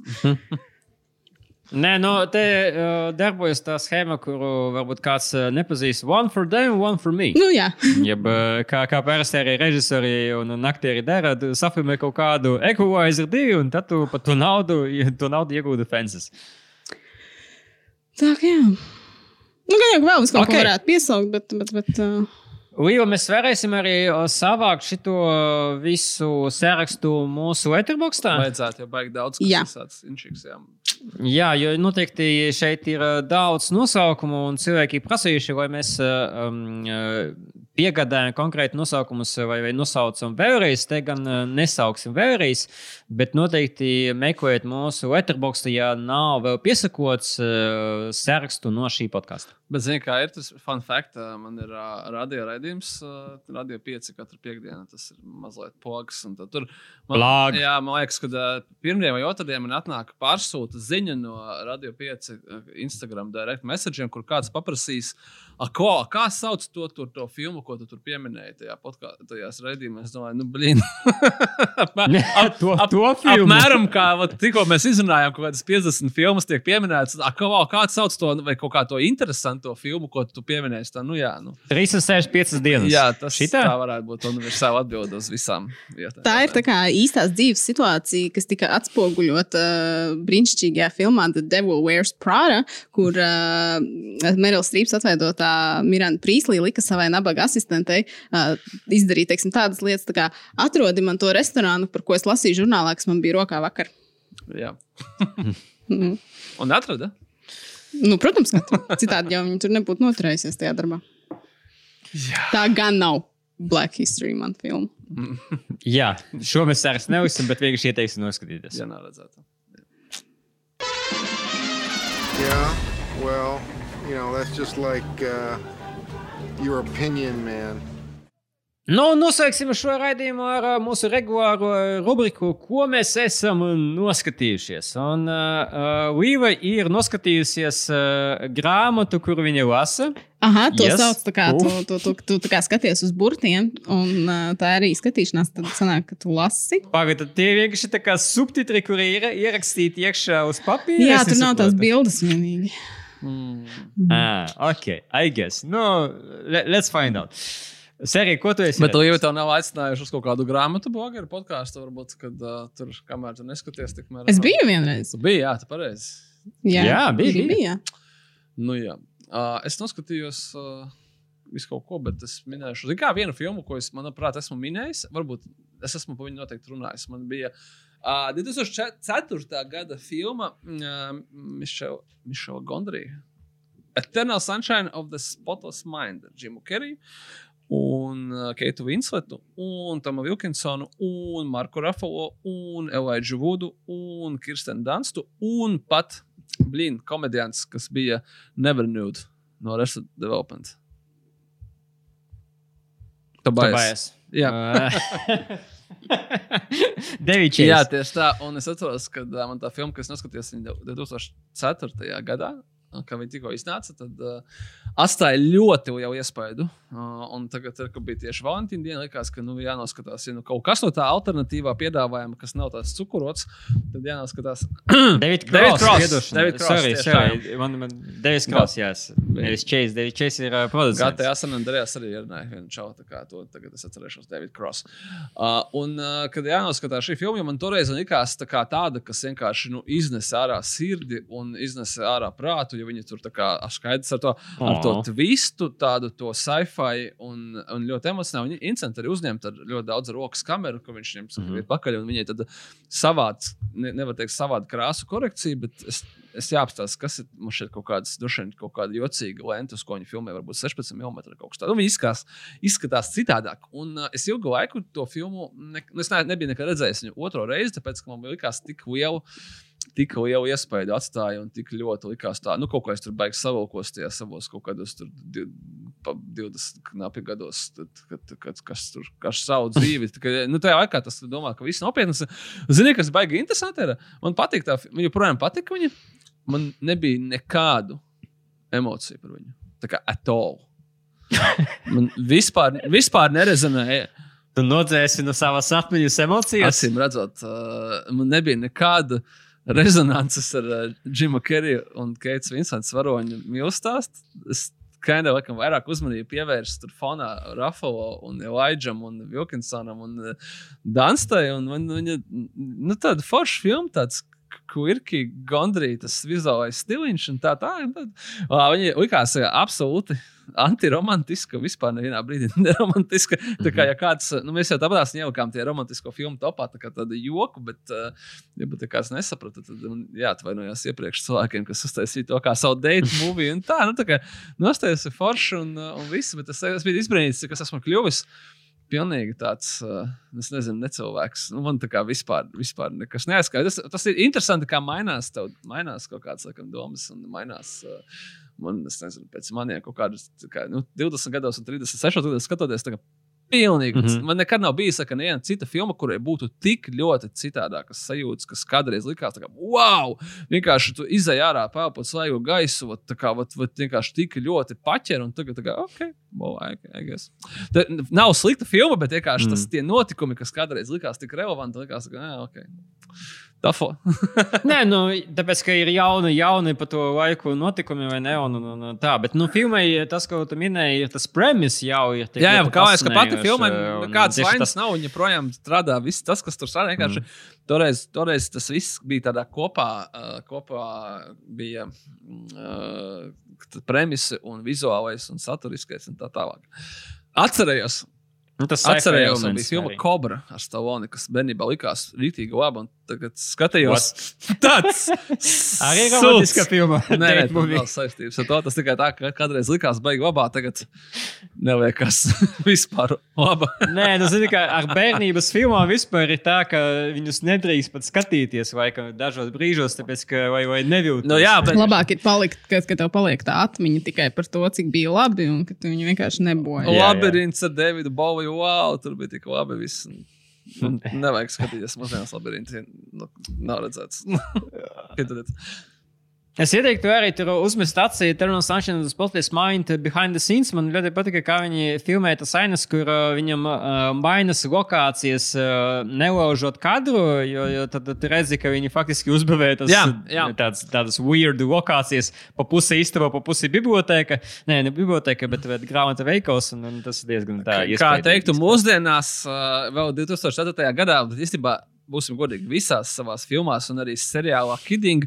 Uh, Mišels Gondrijs izmanto praktiskos efektus. Nu, tā kā, tā kā tāds, uh, jā, uzsist sev pa krūti, var, ka nav nekāda CGI kreisie, bet izmanto praktisko. Un tāpēc arī viņi izskatās tik ļoti labi, kā viņi, kā viņi izskatījās. Nu, vienmēr Jā, bet es, es, es iesaku, bet ir ļoti interesanti. Un varbūt tas varētu būt arī jauns kaut kāds mm -hmm. trends. Es mēģināšu atcerēties, kas vēl filmas. Lai gan es domāju, tagad, nu, kad kaut kāds, teiksim, tajā pašā vecumā, matriks, cīņas kūps, kaut kāds tāds, nu, no vienas puses bija šī klišejiskas tādas filmas, kuras daudziem liekas, ka wow, šitais bija tāds eye-opening experience. Un tā, Ar viņām man nav tas. Mm -hmm. Nesen tas skatījāmies visas trīs matrikus, un arī pirmo. Un joprojām ļoti labi strādā, un cīņas klubs strādā. Tu citādāk tās filmas izproti, bet nekad nav bijis tik liels efekts, mm -hmm. kā bija šai filmai, kuru man bija reāli bailes skatīties. Tāpēc, ka man savulaik man likās, ka nu, tik ļoti emocionāli pavilkās, un es tā kā nu, laikam iztērēju visas savas emocijas. Toreiz. Ā, tu skaties ar vēdi un baidies raudāt šoreiz, saki, skaidrs. Jā, guilty. Par cīņas klubu starp citu ir interesants moments. Es redzēju, kaut kur, laikam, Letterboxd review, ka, kad tu pirmoreiz skaties, skaties par tiem Kaušļiem. uh, foršiem džekiem, kad otrreiz tu skaties par tiem uh, esholiem, kad trešreiz skaties, tu skaties uz satīru, ka īstenībā tas viss ir. Kā, ka katru reizi, kad tu skaties, atklāji jaunu līmeni, par ko tad īsti ir šajā filmā. Un, un, un, tāpēc viņi arī darbojas. Tas pats laikam ar matrisu, ka uh, gadu griezumā mēs uh, uzkrājām vēl bagāžu, uzzinājām kaut kādu par simulācijām un, un internetiem. Un, un, tagad to redzam daudz, daudz realistiskāk un taustamāk, un tad viņi arī iedod kaut kādu papildus efektu. Matrix jau vispār bija par to, ka sauli vairs neredz un ka robotiem vajag bēroties no cilvēkiem. Climate change 99. Nu, vai arī tu skaties matriks un saproti, ka vienkārši kas iedzīgāks, tāpat tās vairs nav uzfilmēts. Un... Kaut kādā ziņā. Līdz Matrix 4 Nu, vai ne? mēs uzzināsim. Viņš bija jau maksā šogad, jau rudenī. Man zina, ka savukārt man ir viena filma, kas uh, tieši zinātniskas fantastikas uh, plaknē sasaistās ar Eternal Sunshine, jo abas filmas izmanto kaut kādus uh, uh, nereālistiskus vai, vai fantastiskus uh, konceptus, bet tur nav specifiktu un tur nav um, um, kaut kāda liela budžeta, kas tiek izterēts. Un es uh, šobrīd runāju par uh, um, Andrew Petersona filmu uh, West of Night, kas ir pieejama Amazon Prime. Uh, un kas stāsta, vai darbība notiek 50. gados, uh, maza pilsēta, un stāsta par radio didžeju un telefonisti, kuri kopā mēģina atkost, kas tā ir par skaņu, kas šonakt citās iekšā radio un telefonu viļņos. Uh, un tā ir zinātniskā fantasi- fantastika, kas parāda, ka tev nevajag to lielu budžetu, lai sasniegtu tādu iegremdējošu efektu, jo filmai, teiksim, budžets ir uh, zem viena miljona. Es apskatījos, ka 700 tūkstoši, kas kā- pēc uh, ASV mēroga vispār ir nekas, vai ne? Neko Uh, nespēju. tas aiziet uz, uz apdrošināšanu. gandrīz, Man uh, stāv viņa tuvākajos plānos. Es arī klausījos Empire podkāstu. Jā, jā, es neko nestološu. ā, Es nezinu, vai tu. Jā. Es pat neteiktu, ka tur baigi kaut ko varēja izspējot. Uh, filmā gandrīz nav specifika. Pa, Pasižetu faktiski tas, ko es pateicu, tas arī būtu jāzina. Um, bet filmā gandrīz nav specifika. Un es pat teiktu, ka ainas, kur ir specifika, uz mani varbūt darbojas švakāk, jo man vairāk patika tieši tas kaut kas nezināmais. Uh, un uh, filma ir pati interesanta veida stilizēta pēc uh, televīzijas fiktīva šova. Saucas Paradox Theatre, bet laikam domāts, ka Twilight Zone. Un šeit ļoti labi jūtams, un man tas rīktīgi patika, tāds 50, g- 60 gadu vibes, jo mēs zinām, ka 50 gados bija tāds pamatīgs sci-fi uzplaukums ar visiem Invasion of the Body Snatcher, ar um, The Day the Earth Stood Still, uh, ar uh, to, es domāju, I Am Legend, tā pirmā filma um, Last Man on Earth, uh, visas tās filmas, uh, kas iznāca 50, 60 gados, uh, tas arī ne tikai atdarinātas, bet uh, tam uh, tas ir respektētas šajā mm. -hmm. filmā. Un tīpaši man ļoti patika kaut kāda dialoga sākuma, kuru temps ir veidots tieši pēc uh, tā laika filmām, konkrēti runājot uh, par His Girl Friday, kur arī uh, ir ļoti, ļoti ātrs dialogu temps. Un tāds, tādu viņi izturēja arī The West of Night filmā, kur ir pieejama uz Amazon Prime. Uh, un vēl vienu filmu, ko pieminēšu, ir The Death of Dick Long. Uh, un uh, šo filmu savukārt uh, veidīja duo, kurš saucās The Daniels, jeb divi Danieli, kuru mēs pazīstam ļoti labi pēc filmas Mans draugs Nenopietnas Vīķis, kuru mēs arī izplatījām reiz, jeb Swiss Army Man. Un šī savukārt, uh, 90. gada filmā arī ir dar, darbība notiek arī mazajā pilsētā, ASV kaut kur dienvidos, uh, un uh, trīs draugi. Es uh, neminēšu konkrētu terminu, bet uh, tipiskas zivs apkakuītes no dienvidu štata. Tā teikt, viņi aiziet iedzert, uh, pasakā, wanna get weird. Un tādu uz rīta pusi divi no draugiem atver trešo bezsamaņo slimnīcu, kur tas mm. nomirst. Uh, tas ir uh, faktiski uh, opening credit rolls, uh, līdz ar to tas arī nav nekāds spoilers. Uh, filma balansē starp drāmu un komēdiju, um, un tā ir tāda ļoti īpatnē filmas tekstura. Es neteiktu, ka, ok, varbūt ne gluži īpatnē, bet gluži kā jūti, ka atrodies uh, personāžiem līdzi. Uh, un dažreiz filma ir uh, ļoti stūba, dažreiz filma ir ļoti sirsnīga, dažreiz ir cringy. Jeb, ja jums patika Swiss Army Man stils, tad uh, šeit viņš arī atkārtojas. Un, ja jūs neesat varbūt pazīstami ar The Daniels. Darbiem, tad varbūt ir vērts uzmeklēt Morgs, ka viņam tā īsuma saucas Interesting Es pa- Ball. Tad varbūt ir vērts. Varbūt arī vēl īsāk var vienkārši atrast uh, jums ļoti labās, labi zināmās dziesmas DJ Snake un Lil Jon. Turn down for what video klipu YouTube. Un uh, arī tas Yes. dos labu priekšstatu par to, ko jūs varētu gaidīt no Daniels uh, filmām. Tikai 90 Jo minūtes. šī filma es stāstu, jā, es stāstu, un, un uh, viņa, nav, viņa arī nav visiem. Viņa nav visiem, un tur jābūt gataviem, uz ko tu nāc. Ne gluži tā, ka gataviem, kas tur notiks, bet gataviem uz to, ka notiks šaize, un notiks uh, kaut kāds mindfucks, un notiks kaut kas, kas. Šā vai tā būs saistīts ar tavu pēcpusi vai, vai ar tavu otru. Nē. As we know from the title, of Viņa, the nav visiem, bet mēs ceram, ka Uh, viņi ir jum, jums. Nu, tā es gribētu teikt. Yes. Man eh, laikam lielāka problēma ir ar pašiem personāžiem, jo no vienas puses eh, tādus personāžus eh, ar salīdzinoši pozitīvu veidu mēs neesam bieži vien redzējuši filmās. Mēs parasti redzam, ok, tas vārds ir redneki. Un rednekus mēs parasti redzam kā tādus antagonistus filmās, viņi parasti ir launderi, vai ne? Un šeit savukārt viņam ir cīņas aplā. Sure, bet no otras puses, es nezinu, es ne līdz galam varbūt viņam pārdzīvoju līdzi. Uh, atšķirība no tā paša Swiss Army Man. Uh, un es uh, redzēju atsauksmi Letterboxd, ka to nosauca par Deep Shit Fargo. Kas ir kinda precīzi pēc būtības, bet uh, tas arī tas pasvītro, ka Koinam tieši izdodas uztaisīt, ja ne gluži tādus simpatiskus personāžus, bet ļoti harizmatiskus personāžus, kam mums patīk sekot līdzi. Un varbūt tā, ka Daniels vēl šo prasmi vajadzētu tā pieslīpēt, vai, vai tie personāži, pat ja viņi nav simpatiski, viņi ir ļoti fascinējuši, interesanti. Šeit tieši varbūt tā ir, uh, kas man pietrūka. Nu, The Death of Dick Long pieejams uz būrēja un noteikti var pasūtīt un noskatīties. Alrighty then. Tas arī bija viss no mūsu puses šajā podkāstā. Gaidām jūsu jautājumus un Donalda un Fībijas kontaktus. Jā, nu gadījumā kādam ir uz hello at kinokūs.cl. Būsim ļoti pateicīgi, ja atbalstīsiet podkāstu mūsu Patreon.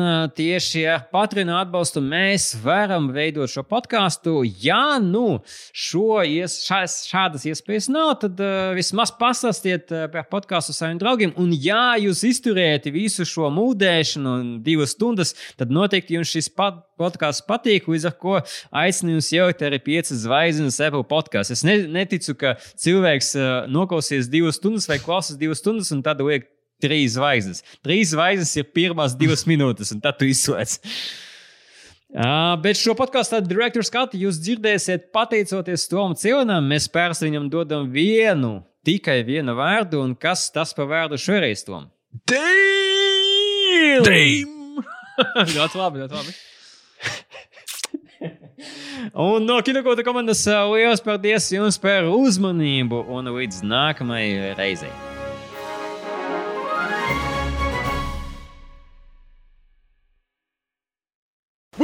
Lost. We fucking super lost, man. Tell them, McCluskey. Tell them what time it is. I don't believe you people. Huh? What do you mean, you people? What do you mean, you people? Huh? I, I think what uh, Oh, Tug man. means is you people, No, people, look at you his eyes, actors, man. you people. Look at them beady white You're devil talking to me. I gotta get back to these actors. Chill. All right? Just chill it.